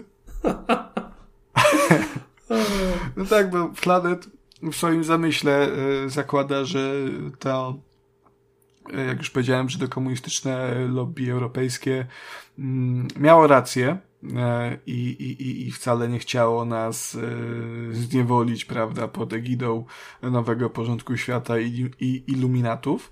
No I faktycznie to globalne ocieplenie istnieje, istniało. Mm, no i przykra, no powiedzmy, że tak, no ale to już bym musiał zrobić tajniki fabularne pewne. E, no i psiku stał się taki, że poziom e, mórz i oceanów nieustannie się podnosi, e, co oznacza mniej więcej tyle z kolei, że teren, który ludzie mogą zamieszkiwać, nieustannie się zmniejsza. E, więc tak, ta gra zaczyna się, zaczyna się dość, dość prosto. Wcielamy się w grupkę górników, którzy no, próbują przetrwać w tym świecie, e, no bo tu jest fa fabularna kampania e, składająca się z, z 12 misji i naszym celem jest no po prostu no, przeżycie, prawda, w tym świecie. E, nieustanne poszukiwanie mm, wyżej położonych miejsc, gdzie można by założyć swoją bazę i, i tam znowu budowanie e, tych swoich mm, miast od, od, od zera tak naprawdę. Każda misja to jest, to jest nowe miasto, to jest nowa lokacja, nowy biom w ogóle, bo też tak samo jak w Terranil tutaj również są i śnieżne krainy, i krainy tropikalne i zwykłe takie trawiaste. Gdzieś tam jest taka, że, że był wyciek ropy i woda dookoła jest skażona, to wszystko wpływa w jakiś sposób na gameplay. Ten u podstaw jest natomiast dość taki standardowy, by się wydawało, dla strategii ekonomicznej, dla, dla City Buildera. E, czyli no, mamy swoją bazę, tą, tę główną i musimy zbierać surowce. Tutaj surowców mamy pięć. Jest, e, przede wszystkim jest woda, na której mimo, że jest aż za dużo na świecie, no to tej pitnej no, jest dosyć mało, trzeba ją gdzieś tam e, pobierać ze studni, czy też deszczówkę zbierać jest y, żelazo, jest miedź, chyba platyna, y, czy coś takie fioletowe. Już, no to akurat nie pamiętam, ale mniejsza o to. I jest też elektryczność, y, więc te, te pięć surowców musimy ogarnąć, mm, żeby nasza, na, nasza gospodarka pracowała, żebyśmy mogli spełniać kolejne fabularne cele.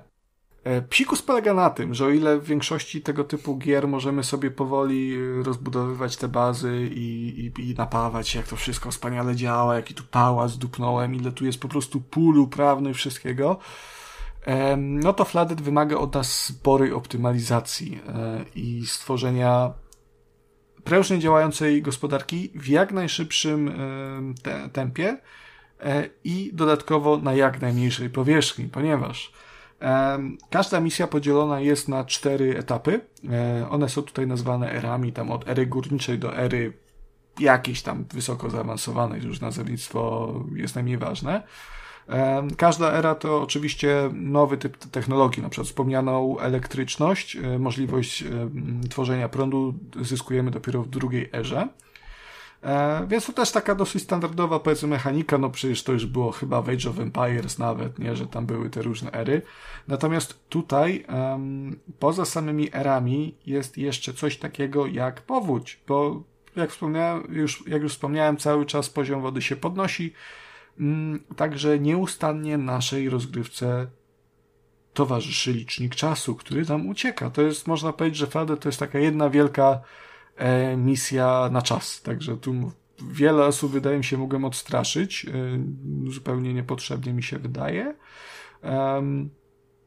Chociaż no ta gra jest stresująca faktycznie, to, to, to, to muszę przyznać, bo co kilka minut mm, no, poziom wody się podnosi i zalewane są pola, to jest wszystko oczywiście na takim, na, na kwadratowych polach, prawda, na takiej szachownicy i pola co kilka minut, te, które sąsiadują z mm, wodą, zostaje, zostają zalewane, znajdują się pod wodą. Także jak coś tam zbudowaliśmy, no to przykro mi przepadło, także trzeba sobie znaleźć takie miejsce, żeby, żeby wybudować swoje rzeczy, żeby jak najpóźniej ta woda do nich dotarła, żeby zabezpieczyć sobie jak najwięcej czasu y, do zagospodarowania.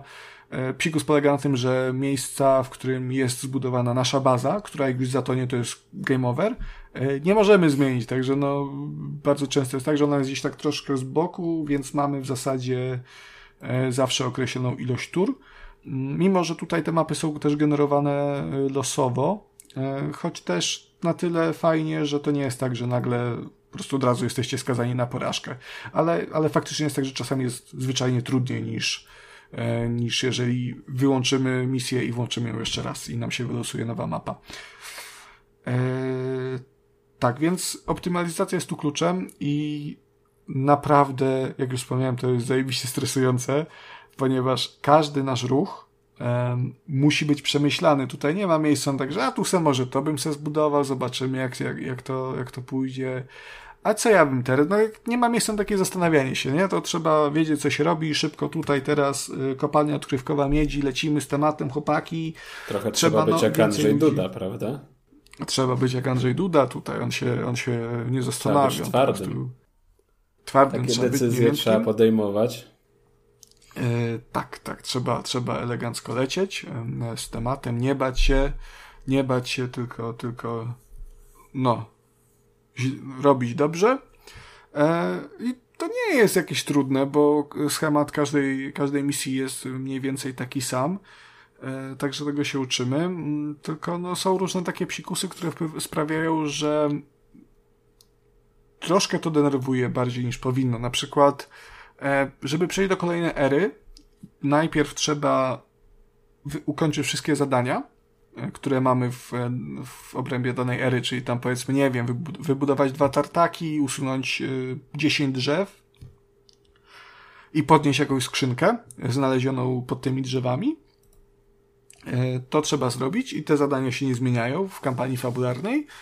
E, no natomiast elementem losowym jest to, jaki jest, jaki surowiec, jaka jego ilość jest wymagana do tego, żeby awansować do kolejnej ery, bo to trzeba zapłacić, prawda?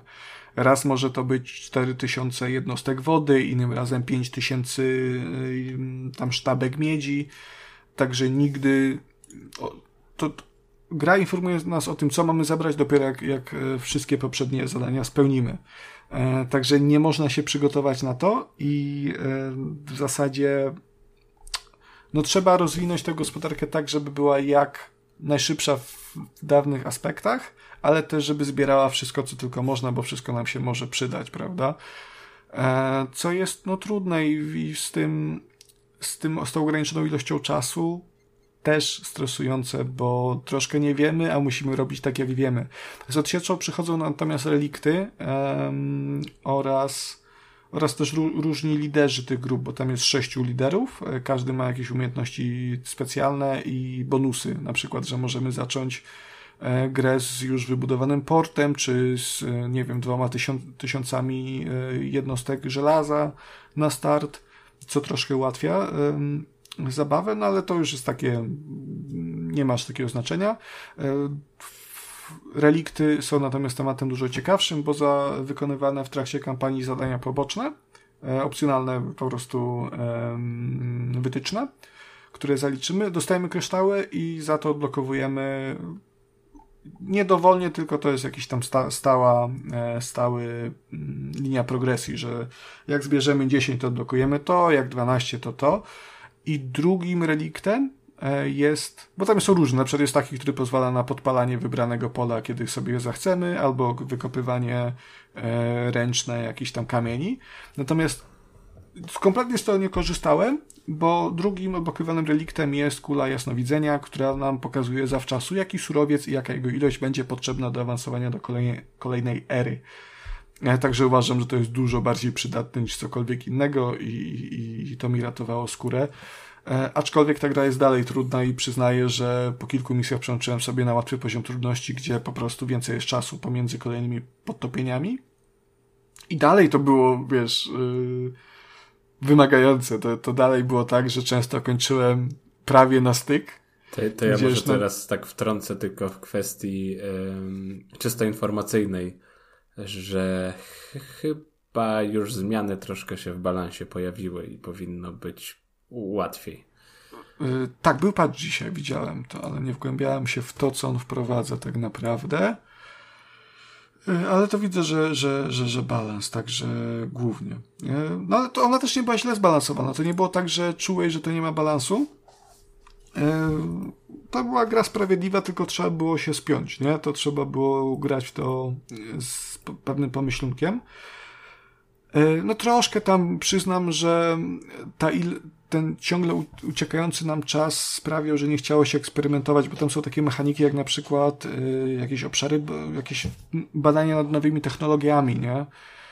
Mm, tylko psikus polega na tym, że do wyboru mamy, że tak, że no, prace nad nowymi technologi technologiami potrzebują elektryczności, ale elektryczności potrzebują też ulepszenia budynków, które pozwalają na na przykład składowanie większych ilości surowców, czy szybsze ich zdobywanie.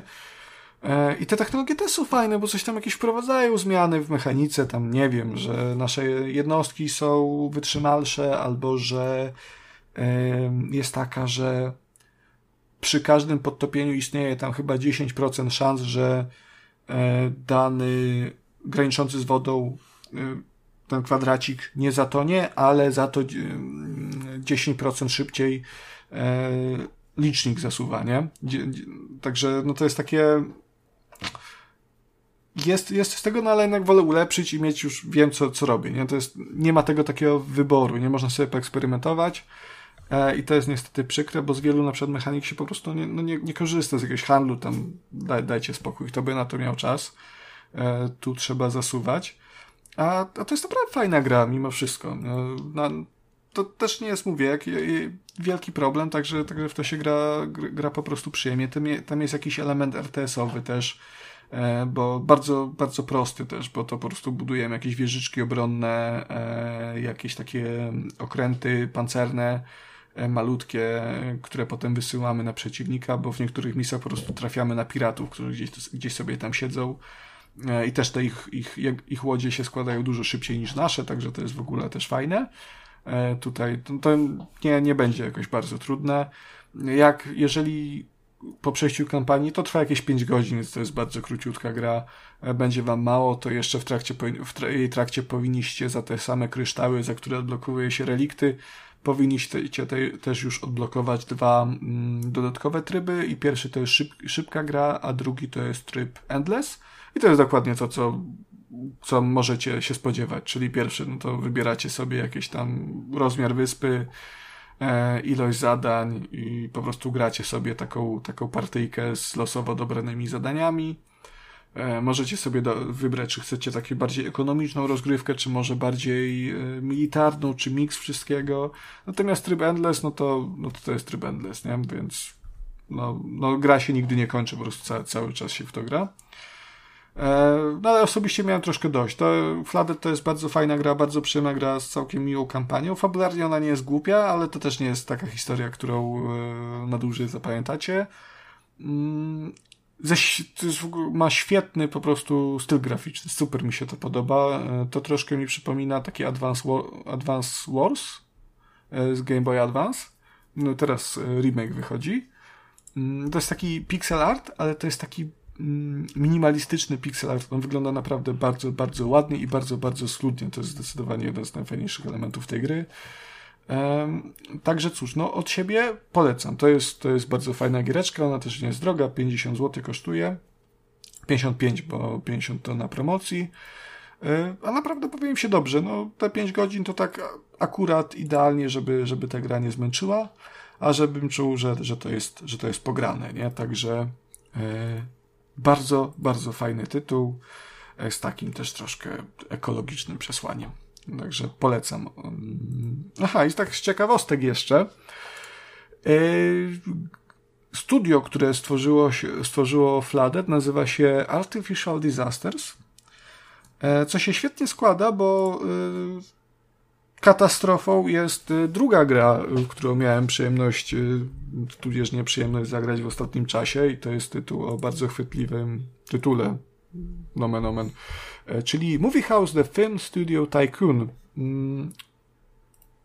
I to jest gra, którą jak zobaczyłem, to w ogóle odezwała się we mnie e, masa wspomnień nostalgicznych, y, prawda, z dzieciństwa, tudzież okresu nastoletniego, kiedy to zagrywałem się piskleuciem jeszcze, będąc w taką grę od e, Lionhead Software, czy tam Studios, Studios. E, nie mam dzisiaj głowy do tych tytułów po prostu na nas studiów. Um, gra nazywa się The Movies i to był właśnie, to była gra ekonomiczna, w której mieliśmy własne studio, tworzyliśmy je sobie, e, produkowaliśmy filmy, um, ale zarządzaliśmy w ogóle budżetem, zatrudnialiśmy ekipy filmowe i budowaliśmy plany, super fajnie było.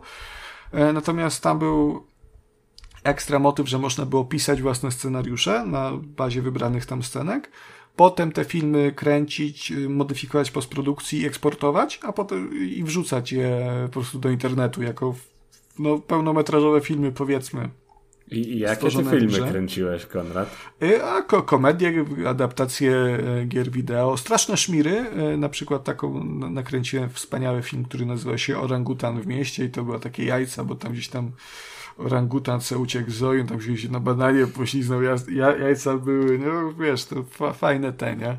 Wiesz co, ja, ja, nigdy nie grałem w to The Movies, jakoś w ogóle tej gry nie kojarzę, a wiem, że w kręgach jest uznawana za kultową. Tak, tak. Y, było całe forum w ogóle, chyba się nazywa The Movies Forum, które właśnie rzeszało fanów tej gry i tam też ludzie dzielili się ze sobą e, swoimi film, filmami. To naprawdę spoko były filmy, przynajmniej jak na postrzeganie tam, nie wiem, 10-11 latka, bo kiedy ja w to grałem, to to jeszcze były czasy, kiedy YouTube wcale nie był takim, e, taką dominującą platformą i na przykład osobiście korzystałem jeszcze z Google Videos E, to jeszcze były czasy naszej klasy, tak? Tak, to były czasy naszej klasy, nie? Myślę, Jeszcze wrzuta tak... była patrz.pl, nie? W ogóle. E, fotka. Fotka też, fotka jest dalej, tylko teraz czekaj, jest... Czekaj, był taki, taki, ten... taki Apples? Apples to już w ogóle prehistoria. Applesa nie miałem nigdy. Jeszcze te pingwinki, no, co, co Kacper się Tak, i, i gadu-gadu było wszystko. Możemy wymieniać wszystkie takie te, nie? E, ale właśnie chciałem jeszcze po powiedzieć, że, że, że, że, że z takich gier filmowych to miałem kiedyś taką minigierkę. Ona pewnie była dodana na jakiejś płytce e, do, do, do czasopisma jako dodatek. I to właśnie też była gra o robieniu filmów. To było po prostu takie, takie malutkie, wiesz, okienko gdzieś tam, które ci się wyświetlało na środku monitora. I tam mogłeś wybrać chyba aktora pierwszoplanowego, drugoplanowego i reżysera i wybierałeś te trzy rzeczy, tam może jeszcze określałeś jakiś budżet, ale już teraz mogę wymyślać kompletnie, bo, bo, bo nie pamiętam do, dokładnie. I, i, I kliknął, jak się klikało generuj, to tam ci wychodziło, czy ten, czy ten film e, okazał się sukcesem, czy, czy klapą, czy zarobiłeś, czy nie zarobiłeś. To się nie działo całkowicie losowo, bo tam były jakieś zależności, że to, to się dało rozpracować i faktycznie robić dobre te filmy ale to było takie, wiesz, takie bardzo proste, że się sprowadzało po prostu do kilku kliknięć. Te nazwiska aktorów to byli prawdziwi aktorzy, to tam miałeś te, te sławne nazwiska z Hollywood. E, ja pamiętam, że to było takie małe, głupie, ale ja się tak w to zagrywałem, żeby właśnie, wiesz, jakiś tam sukces osiągnąć. Mm. Musiał... No to fajne jest, to wciąga. Musiałbym tego, tego jakoś poszukać i, i zobaczyć, o co tam dokładnie chodziło, ale ale The Movie sobie sprawdź, bo to jest naprawdę genialna gra i jedyna w swoim rodzaju. Dosłownie nie ma drugiej takiej, e, jeszcze się nie spotkałem, chociaż słyszałem, że podobna może wychodzić, ale to, to jeszcze o tym myślę kiedyś opowiemy. E, Blockbuster ENC się nazywa i to gdzieś tam jest na moim radarze. Mm, natomiast Movie House, bo to jest recenzja gry Movie House, a nie gry The Movies, niestety.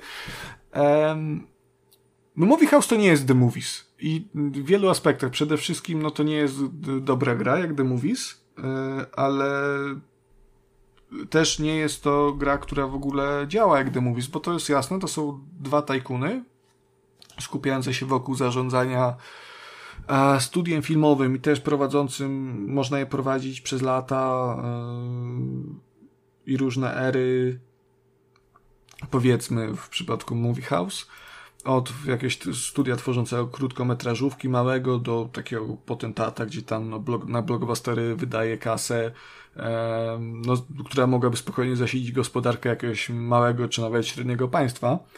E, no, ale Movie House to nie jest The Movies przede wszystkim dlatego, że tutaj nie można kręcić własnych filmów tak jak tam, a troszkę na to liczyłem. Movie House to jest taki bardziej game dev tycoon o filmach tak naprawdę, czyli w zasadzie to jest, gra skupia się na, e, na samym zarządzaniu. Ten aspekt tworzenia filmów jest tutaj, ale to jest na podobnej zasadzie, co w zasadzie, co opisałeś przed chwilą z tą, z tą twoją okienkową grą, czyli jasno, najpierw piszemy scenariusz, ale to się ogranicza do wybrania scenarzysty, y, zaznaczenia, wybrania tam trzech motywów, czyli tam to jest e, kto jest bohaterem, kto jest e, złolem i jaki jest setting. E, po czym scenariusz jest pisany, puszczamy do reżysera, reżyser tutaj sobie dobieramy budżet, dobieramy aktorów na główną rolę i rolę drugoplanową, mm, ewentualnie przy, na takim suwaczku sobie zaznaczamy, ile budżetu ma pójść tam na scenografię, na efekty specjalne, na aktorów drugoplanowych, e, tą obsadę drugoplanową. E, no i ten film se, film se powstaje i puszczamy do dystrybucji, czy to samemu to robimy, dobierając jeden z predefiniowanych plakatów i na podobnej zasadzie co budżet e, tworząc trailer, albo po prostu sprzedajemy prawa e, jakiś no już dystrybutor, dystrybutorowi, który robi to wszystko za nas, nie? E, także to jest takie bardzo uproszczone, tam nie możemy jakiś tam tytuł wybrać, właśnie ten plakat, e, gdzieś jakieś potem sequele robić. E, możemy też e, na, na, na pewnym etapie wybrać e, z, konkretne lokacje, w których to będzie filmowane, tam maksymalnie dwie. No ale to jest wszystko uproszczone, tego filmu nie widać nawet, y, nie, nie widać co się dzieje tak na, na, na scenach. Tam się na, na mapce się zmieniają te scenografie w zależności od tego, jaki typ filmu jest kręcony, czy to jest horror, science fiction, czy to jest jakiś film przygodowy. No ale no nie mamy tego filmu, to jest wszystko tylko takie w domyśle właśnie jak Game Dev Tycoon. Mm, I to nie jest problem, nie, per se, bo Game Dev Tycoon był super grą. Ja, ja się strasznie w nią wciągnąłem. Ja bardzo lubię takie, takie gry, gdzie tam mogę sobie zarządzać jakąś ekipę dodatkową, techniczną, wynająć, żeby oni mi tworzyli jakieś tam rekwizyty, czy jeździli po okolicy i szukali miejscówek do filmowania. E, lubię się bawić jakieś tam takie inwestowanie w, na giełdzie w tych, w tych grach, żeby tam podkupywać konkurencję, udziały od nich i sobie zapewniać ten, ten passive income. I to jest wszystko bardzo fajne, tylko no, w Movie House to nie działa, bo to jest ta gra Kuba, których ty nie lubisz. To jest, to, to jest ta strategia, w której jak odejdziesz od y, komputera na dwie godziny, to tam się nic nie wydarzy. Może na początku jeszcze tam trzeba y, pokombinować, żeby utrzymać głowę nad poziomem wody, ale jak się w zasadzie zacznie wykupywać udziały innych, innych studiów, no co się dzieje bardzo szybko, no to już ta kasa cały czas pływa i w zasadzie możemy nic nie produkować, tylko patrzeć jak nam rosną słupki. To na początku to będzie wolno y, leciało, ale, ale dość szybko w zasadzie będziemy mieli 100% udziału w całym tym filmowym e, pierdolniku. A to już wtedy miliony lecą, miliardy nawet i do, do miliardów na naszym koncie też się szybko dorabiamy. E, no i no nie pomaga też na przykład fakt, że w ogóle nie trzeba się przejmować czymś takim jak szczęście e, naszych pracowników. Jasne, to taka statystyka jest. E, no ale jak to lejemy, to nic się zbytnio nie stanie tak naprawdę od czasu czyli, do czasu. Czyli życie, być... no. To... Życie, no wiesz, panie, panie Areczku, nie?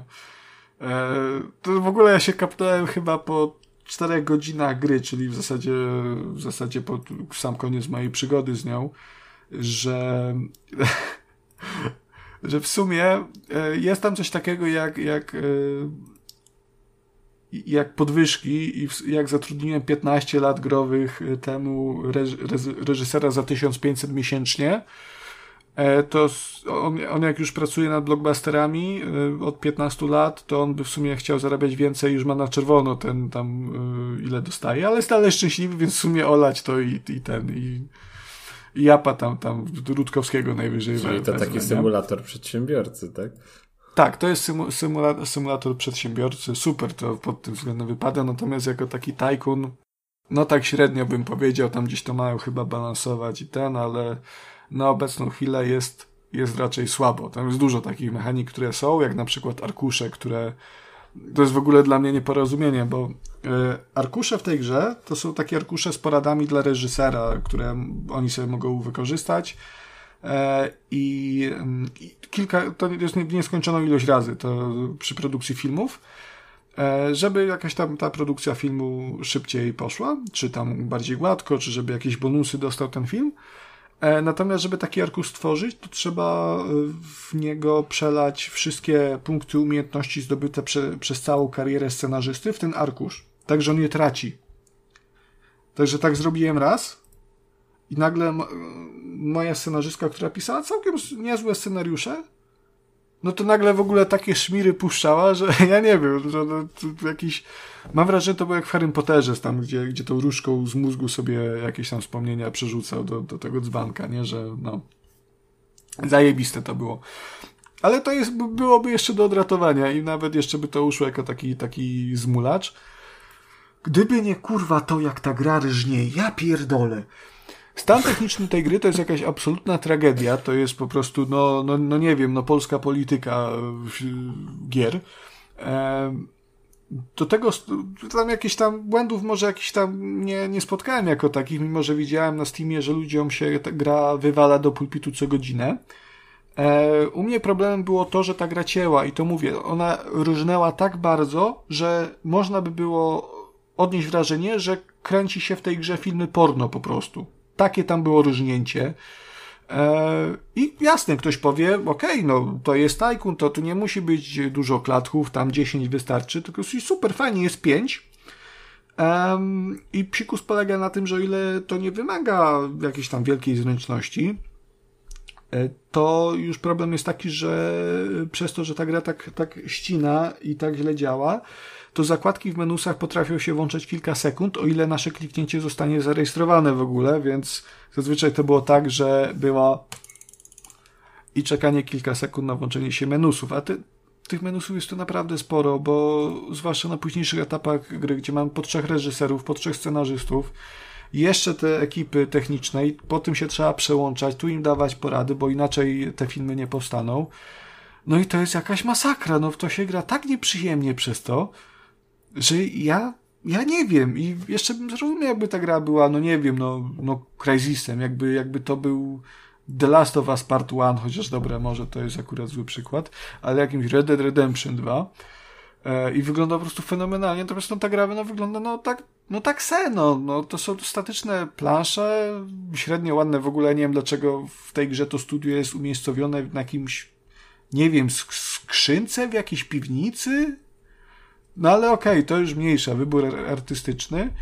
I nie wygląda tak gra źle, ale no nie wygląda tak dobrze, żeby to mogło tak ścinać. I to też jest loteria, bo u mnie cholernie ścina, natomiast też widziałem u innych, że działa ok po prostu. Z ciekawości przetestowałem sobie, jak to wygląda na Macu, bo też ta gra jest dostępna na Macu, także tutaj w ogóle je, jedyna w Polsce w tym roku recenzja gry na Macu tylko w Trójkaście. No jest trochę lepiej, no ale dalej dupy nie urywa. No ja mam Macera z 2020 roku, to więc też nie najnowszy i nie najszybszy e, z Maków. Nie no, one no, ale wszystkie no... są najszybsze. Co? One wszystkie są zawsze najszybsze. Nie no, nie no, no są najszybsze, ale no, no działało lepiej niż na moim PC-cie. E, ale Pro jest taki najpro, nie? To jest taki skór skórwo, że tam wszystko śmiga, nie? E, także działo lepiej, też nie idealnie. Mm, no ale jak już, jak macie wybór, to, to grajcie w to na Macu, a nie na, na PC powinno być. Bo tam jest bardziej ustandaryzowane, mam wrażenie, więc zawsze powinno działać tak samo. A na PC to jednak będzie loteria. No i przykro, no niestety, no, no do dupy i w ogóle dajcie spokój.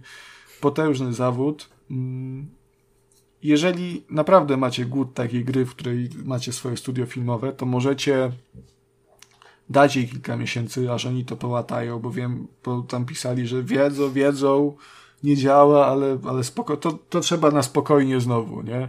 To trzeba usiąść, zapalić, porozmawiać, to nie można tak hop -siup. I jak oni to po, ponaprawiają, poprawią balans, to możecie to sprawdzić. No ale po co równie dobrze moglibyście grać po prostu w The Movies, który jest nie dość, że lepszym tajkunem, to jeszcze można własne filmy kręcić. No hello, nie? W ogóle halo.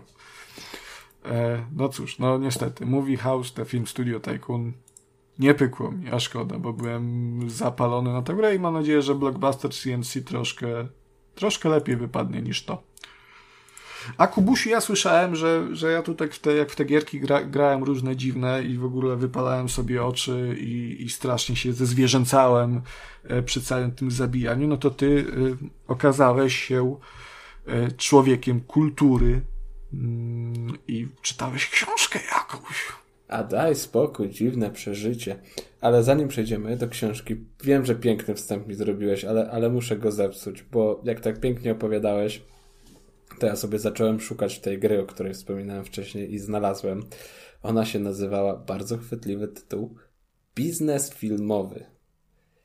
Eee, I teraz widzę już, że powstał w ogóle Biznes Filmowy 2 jest i to jest e, jakaś bardziej rozbudowana gra, także musiałbym się zagłębić w temat.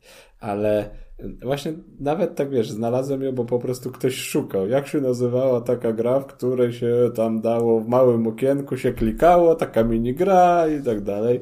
Więc, więc nie tylko ja jakoś tak pamiętam e, tę te, grę i wspominałem ją. Mm, tutaj widzę ten, ten post na e, forum się pojawił w 2013 roku. Także, także to już wtedy była zapomniana gra. Myślę, że ona mogła być nieznana. Ale e, nie wiem, czy wrzuciłeś sobie w Google? Szukam, ale nie wiem, czy to na PP jest, widzę jakieś. Biznes filmowy. No to coś takiego, to takiego bardzo prostego, że tam wiesz, była baza po prostu aktorów, reżyserów i tutaj wiedziałem, ktoś robił e, jakiś film z Arturem Żmijewskim, e, którego George Lucas chyba reżyserował. No matko, to jest takie, takie okienkowe, takie tak, chamskie. Myślałem, że, tak, tam, tak, że to tak. jest w sensie w okienku ale że tam jest jakaś grafika, to jest dosłownie jakbyś, jakbyś jakiś program odpalił, nie wiem, no, Excela czy no, coś. coś takiego. E, no nie wiem, bardzo, bardzo ciepło wspominam tę, tę grę. E, to jedna sprawa, a druga sprawa, o której chciałem powiedzieć, to jak rozmawiałeś o tym właśnie mm, Macu, to mi się przypomniało jednej rzeczy, e, której nie wspomniałem na temat Terranil. Bo Terranil jest też dostępny na urządzeniach mobilnych, i jeśli macie, subskrybujecie Netflixa, to możecie sobie Terranil sprawdzić za darmo, bo on jest w ramach tego takiego pakietu, co te y, żół, żółwie ninja były i ten chyba ta, tak, tak, taka fajna indycza przygodówka od Ubisoftu. Valiant Hearts? Może? To o pierwszej wojnie to, to tak. Tak, tak, tak mi się wydaje. Tylko, że ta nowa część, tak, bo ona się tylko ukazała w tej... Y, Na Netflixa była dostępna tylko i wyłącznie na Netflixie. Dobra, a teraz już tak, wracamy do, do książki. wracamy do książki o tytule Ania, Klechdy i Wielomrok. To jest tytuł książki, a książka została napisana przez Bartłomieja Baranowskiego, który dostarczył nam kopię recenzencką, a tak się również składa, że Bartek jest naszym redakcyjnym kolegą z portalu Pograne EU i Bartek tworzy takie piękne i dość oryginalne teksty, bowiem dotyka w nich architektury w grach. Prawda? E, tak, tak. Pojawiał się on, on też tworzył na swoim e, blogu i też kilka jego tekstów można było czytać w prasie pisanej. E, w, w CD Action chyba. Głowy sobie teraz nie dam u, u, uciąć gdzie, no ale to na pewno był CD Action, y, PSX Extreme albo Pixel jeszcze może. Czyli w, w czasopismach po prostu. tak. E, a, a, a, a cała. Hmm, czekaj, źle, źle, źle zacząłem, zabrakło mi słówka. Renka. Walec. E, nie, chodzi o to, że, że Ania Klechdy i Wielomrok to jest książka, która była napisana z myślą o, o, o młodzieży, czyli to jest książka młodzieżowa.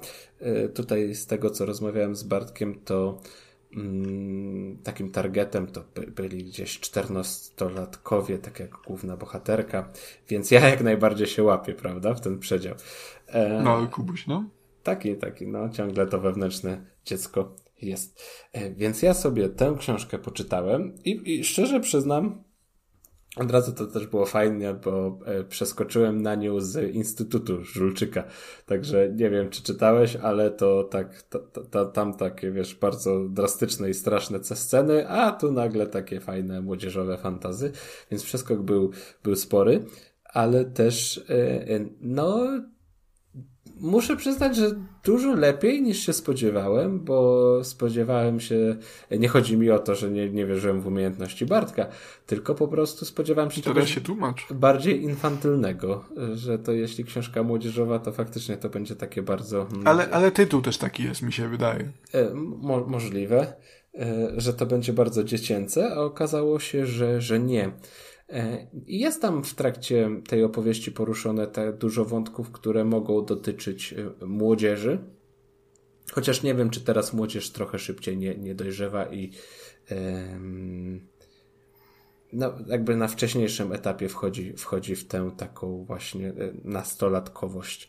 E, ale są tam takie, wiesz, no, pierwsze miłości, pierwsze pocałunki, relacje z przyjaciółmi, z rodziną i tak dalej, czyli taki trochę, tro, trochę takie rzeczy młodzieżowe. Mnie to jeszcze nie dotyczy. Ja jeszcze jestem na to wszystko, na to wszystko za mały. Mm. No i dobrze. I tutaj tak. Książka y, bohaterką główną jest oczywiście tytułowa, tytułowa Ania, która jest y, wychowanką y, domu dziecka w Nysie. Jeśli dobrze pamiętam, czyli akcja gry rozgrywa się w Polsce. O, patrz, y, akcja gry powiedziałem już z przyzwyczajenia. To chyba pierwszy raz, jak recenzuję książkę, dlatego, y, znaczy recenzuję, też nie chcę nazwać, nazywać tego tak recenzją, ja po prostu po, poopowiadam wam trochę o tej, o tej książce. E, ale to pierwszy raz, kiedy faktycznie opowiadam o, o, o książce. Mm, także e, w Bidulu do pewnego etapu, bo, bo Ania faktycznie z tego domu dziecka pochodzi i, i, i pierwsza część książki właśnie na tym się opiera, ale mm, później trafia za sprawą wydarzeń. W ogóle tak jak się zastanawiałem, jak przygotowywałem się do tej recenzji, bardzo ciężko jest opowiadać o książce bez spoilerów, bo bo co możesz opowiedzieć z 10 stron, z 20 stron, z 30, wiesz, jest taki e, limit, że naprawdę nie chciałbyś zacząć spoilować tej historii, no bo na tym to wszystko polega, żeby, żeby ją odkrywać, więc tak się e, będę tu trochę bił sam z sobą, jeśli o to chodzi. E, no ale na skutek pewnych wydarzeń Ania przenosi się do takiej mm, no, fantastycznej krainy. I tam się już zaczynają dziać rzeczy typowo fantastyczne, czyli w ogóle dociera tam na latającym Pegazie, także już mamy tutaj no, namiastkę tego, co się będzie działo. On jest taki, no nie chcę powiedzieć trochę taki, tak, taki ha, ha, Harry Potterowski, nie, to będzie może za, za mocne słowo, ale tam się dzieją rzeczy, się dzieją rzeczy yy, i może się wydarzyć praktycznie wszystko, czyli ten świat nie jest jakoś tak bardzo, bardzo określony swoimi ramami. On jest też stylizowany na średniowieczny, czyli ludzie się ubierają tak, nie inaczej. Yy, jest władca tej krainy mieszka w ogromnym zamku, mm, bohaterowie nazywani są rycerzami, występuje też magia, czyli to jest takie trochę takie średniowieczne, średniowieczne fantazy. Każdy oczywiście ma tam swoją rolę i są pewne zależności, są dobrzy i źli i to wszystko jest ze sobą powiązane. E, no i właśnie nasza mała Ania będzie się uczyć na, mm, no takiego, ma talent, czyli zostanie, zostanie e, czarownikiem przyszłości. Czarownikiem w takim uproszczeniu tego, tego słowa. Mm.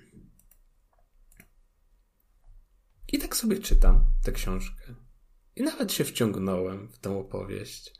E, czekam, co dalej się wydarzy. W ogóle bardzo interesująco odkrywa się te wszystkie magiczne rzeczy, które gdzieś tam zostały przez Bartka zaplanowane. Czyli tak wiesz, czytasz i, i, i zastanawiasz się, co jeszcze wykombinował, a co się tu wydarzy. Bardzo mi się też, wiesz, teoretycznie jest to książka skierowana do, do młodzieży, nie do starych pryków, ale czytasz sobie, czytasz i nagle masz taki tekst, e, że o, a teraz, drodzy Państwo, przedstawiam, e, to jest profesor Wilczur. I masz takie, ha, ha, ha, ha, ha, ha śmieszne, co nie wiesz, że, że... I nie ma pojęcia, co jest z profesorem Wilczurem. Nie masz pojęcia. No tak. Od nas... roku widzę ten, nie mam zielonego pojęcia. Wiesz, e, no, nastoletkowie mogą nie wiedzieć, chociaż pewnie w każde święta gdzieś tam w tle mm, leci w telewizji, chociaż ta młodzież to teraz te, też te wszystkie smartfony, powiem ci, klikają. Kuba, ja się w trakcie tych świąt dowiedziałem, że Znachor leci w każde święta wielkanocne. A wiesz, że ja trochę też? Bo ja zawsze myślałem, ja że to ogóle... sami swoi i Beethoven. Ja to mam takie wspomnienia, jeśli chodzi o, o święta wielkanocne. Ja to, też chyba bardziej Beethoven, no. Beethoven jakoś mi się tak, tak, tak mocno kojarzy. No i cóż, ciężko mi jest się też określić, bo nie jestem, nie jestem nastolatkiem, ale wydaje mi się, że e, to jest książka, która spodoba się, bo właśnie nie jest zbyt infantylna, porusza te, te, te, te istotne tematy yy, i jest do tego to takie, takie fantazy też tam zawarte. Także hmm, czy chciałbyś jeszcze coś, wiedzieć i może trochę mi pomóc w tym wszystkim? Ona, ona w ogóle zdobyła, spotkała się z bardzo dużym zainteresowaniem z tego, co widziałem, co, z tego, co Bartek wrzuca na e, Twittera, że ona jest w ogóle na ósmym miejscu bestsellerów w Empiku, także e, no, bym, nazwałbym to sukcesem, nie? Że ja trochę nie ukrywam, że mnie przyciągnęła do tej książki e, ta wspaniała okładka, bo ona jest ładna naprawdę jest. ładna. Ale, ale to też się, to też się trochę mm, wiem z myślami, e, czy po to sięgać, e, bo również nastolatkiem nie jestem, mimo że do na okresu nastoletniego jest mi troszkę bliżej zarówno wiekowo, jak i mentalnie niż tobie. Um, no to jednak właśnie to też tak jak ty bałem się, że to będzie zbyt infantylne dla, dla mnie, o ile coś takiego jest w ogóle możliwe. E, ale tak po tej twojej recenzji, wiesz, że ci powiem, że, że aż się zaintrygowałem, tak, kurde, że jak to, jak to by się podoba tak poważnemu człowiekowi, który tu Mausa czyta e, drugą ręką, prawda, podtrzymuje jakiś tam inny e, wspaniały komiks, jeszcze tam i ciastka piecze. literaturę. Cię piocze, tak, wszystko piocze. No, jak to by się podoba, to myślę, że mi, że mi też siądzie aż sobie chyba ją sprawię. Spraw sobie, spraw jak najbardziej. Ona droga jest? Ile, jakie to są pieniądze? Eee, jakie to są pieniądze? Obecnie... Mm, bo, bo ona została wydana przy współpracy z wydawnictwem Virtuallo. Cztery dyszki około, z tego co widzę. 33,90 aktualna cena jest. No, za, to kurde, za bardzo e-book i audiobook jest też dostępny za 40 A to, to audiobook jakiś wie, że no nie będę... Ja się nie umiem skupiać na audiobookach, wiesz, bo... Podcastów wolisz e... słuchać, prawda? Tak, bo jak, jak na podcaście się nie skupię przez chwilę i, i coś mi tam umknie, no to wiesz, to i tak jest pierdolenie o tym jednym i o tym samym. Ja natomiast no, jak książki słucham, Hobbita kiedyś próbowałem słuchać i nagle tu najpierw w ogóle piją flaszkę i pomyślałem, ten, te, mają tę biesiadę, śpiewają sobie i pomyślałem przez chwilkę, że z kebaba bym sobie może zjadł i nagle oni w ogóle jakimiś beczkami spływają rzeką. Już jest smok, już idą zabijać smok. Tak, ja nie, ja nie wiem co się stało za każdym razem tak jest. Eee, no niestety. Wiesz, mnie, mnie w ogóle mm, ominęła gdzieś ta literatura młodzieżowa, jak byłem młodzieżą. Bo raz, że nie za dużo wtedy czytałem, a nawet jeśli czytałem, to zawsze sięgałem po tą taką cięższą fantastykę. Eee, więc, więc kurczę, tak naprawdę trochę nie wiem. Nie wiem, co czyta młodzież. Nie wiem, czy młodzież w ogóle teraz czyta. Ja myślę, że trochę więcej niż, niż za, za naszych czasów. Możliwe. Mm. możliwe. Nie wiem, nie mam, poje, nie mam pojęcia. Ja, równie dobrze może być tak, No nie, ma dzisiaj Kacpra, bo byśmy zapytali. No. TikToki. Mm. Kurde, nie ma fizycznej, fizycznego wydania tego. Nie e, ma być, ma być. Z tego, ma być. co tam Bartek mówił, ma się pojawić. Także e, biorąc pod uwagę, jak ładna jest okładka, to może po prostu też, e, jeśli ktoś lubi mieć książki na półce, to... to ta, ta nowa, bo są dwie, widzę. Jest, tak, tak, tak. Była ten... Ta nowa jest super, no faktycznie jest naprawdę naprawdę bardzo spoko. Ale ja mam wrażenie, że polscy twórcy z tej naszej takiej około giereczkowej y, bańki y, około może popkulturowej bańki, może tak to lepiej by było nazwać. Jakieś, jakieś mają, nie wiem, dziwne chyba wspomnienia z, z jakimiś bidulami, czy w sensie, dobra, to źle brzmi, ale lubią sięgać po tego bidula jako, jako miejsce pochodzenia głównych bohaterów, bo przecież em, w błysku e, Artura Chojnackiego też, też e, główny bohater właśnie w Bidulu siedział. A wiesz dlaczego? E, Może dlatego, że e, łatwo jest w ten sposób wytłumaczyć tak, jakieś tak, tak. skrzywienia tak. Psych, psychiczne, nawyki i tak dalej. E, to jest zawsze zawsze, Czy, zawsze. Też jest, jest jakieś trochę takie, takie bardziej miejsce, z którego chce się uciec, nie? Więc na przykład w przypadku Ani Klerdów i Wiel Wielomroku chyba dobrze to odmieniłem w sumie w Błyska, Błysku też, yy, który swoją drogą również polecam. Był też w którymś tam odcinku, prawda? Recenzja była, była. Tak, tak, tak, tak. To ja akurat recenzowałem, o już dawno temu. Ponad półtora roku temu.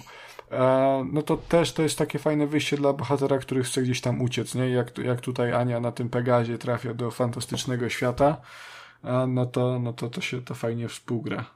No ale jakoś tak wiesz, to tak jest takie połączenie ciekawe ale myślę, wstrzymam się jeszcze z zakupem do, do wyjścia wersji fizycznej, bo mimo wszystko, no, troszkę jestem oldschoolowy, wolę to mieć w papierze, mimo że czytnik mam i lubię czytać na czytniku, to, no nie wiem, no papierek jest fajniejszy. Nie, nie mam gdzie trzymać, ale, ale fajniejszy. No, widzisz, ja mam teraz bardzo dużo miejsca do zagospodarowania właśnie. Y, o, to już wiem, gdzie będę trzymał swoje e, rzeczy. Zapraszam, zapraszam. ja, jak najbardziej. No, nie wiem, co jeszcze mógłbym powiedzieć, powiedzieć ewentualnie o tej książce. E, czy jakieś pytania zwróciły się w twojej głowie? Chyba nie. Chyba nie. Chyba no nie. No dobrze. To jeśli nie, to nie. E, no i co? I chyba tyle na dzisiaj. Wszystkie tematy wyczerpane. Ja bym na koniec jeszcze tylko chciał dodać, żeby pamiętać tam o kliknięciu tych wszystkich e, lajków i subskrypcji, bo dobijamy do ładnej, okrągłej sumy na, na Spotify i chcielibyśmy ją wkrótce, mm, wkrótce osiągnąć. I nie jest to 10, o dziwo. E, więc, więc jak najbardziej zachęcamy do, do lajkowania i subskrybowania i obserwowania. E, I dziękujemy za uwagę w dzisiejszym odcinku. To, to ja może jeszcze kawał na koniec. O, jest kawał? To poproszę. Od, G, od Giemżwalda. A ty cały Sterełki. odcinek te kawały czytałeś, tak? Podziel, no to pytań nie uwaga, to jest jednak, jednak powiem ci zazdroszczę. Tak, o słuchaj. Panie Eugeniuszu, pan, ta, pan tak na mnie patrzy, jakby pan mnie w myślach rozbierał. A gdzie tam pani Heleno? W myślach to się pani ubiera, a ja palę. Kurwa. Ale to dobre. Skumany no. jaki szybki jest, nie? Dobrze. Także dzisiejszy odcinek poprowadzili dla nas, dla nas poprowadzili. Przepraszam, jeszcze raz zacznę ten wstęp. Znaczy to zakończenie. Zakończenie, to ten wstęp do zakończenia. Także 40 odcinek podcastu poprowadzili dla Was e, największy z możliwych śmieszków. No można by powiedzieć Andrzej Duda polskiej komedii. Konrad Noga. A to się teraz odnosisz do mojej wagi po świętach, czy o co chodzi z tym największym? E, po prostu masz najdłuższego patyka. Nie, nie wiem. Wiesz co, tak jak w Lublinie patrzyłem, to ja nie wiem. E, no, a, no i dziękuję za uwagę, prawda? Tu, no, no, no cóż, no, no pamiętajcie, że dzieciństwo kończy się wtedy, jak się Jola, e, jak Jola się marzenia spełnia, a nie Mikołaj i grajcie, czytajcie, kochajcie się, prawda, żeby wam się darzyło. To tak jeszcze no. te życzenia mm, świąteczne ciągnąłeś podczas... Trochę tak. I, i, I moja skromna osoba też wystąpiła w tym odcinku, czyli Jakub Smolak. Nie lubię odmieniać swojego imienia, w ogóle nie lubię się przedstawiać, bardzo dziwne. E, dziwne Ale ty nie odmieniłeś swojego No wiem, nie odmieniłem właśnie, bo się zawahałem. Byłem też ja, po prostu. Na takiej zasadzie. Ty, ty byłeś, tak? Byłem. Byłeś tutaj dla nas. Byłem. Dziękujemy Ci, dziękujemy, dziękujemy za uwagę. E, no i co? Do usłyszenia, do, do, do zobaczenia. Pa. Pa. Pa. A wy? Co sądzicie o grach i tematach poruszanych w odcinku? Koniecznie dajcie nam znać w komentarzach, na Twitterze lub poprzez adres e-mail. Wszystkie linki znajdziecie w opisie. Pozdrawiamy. Ara, ara, sayonara!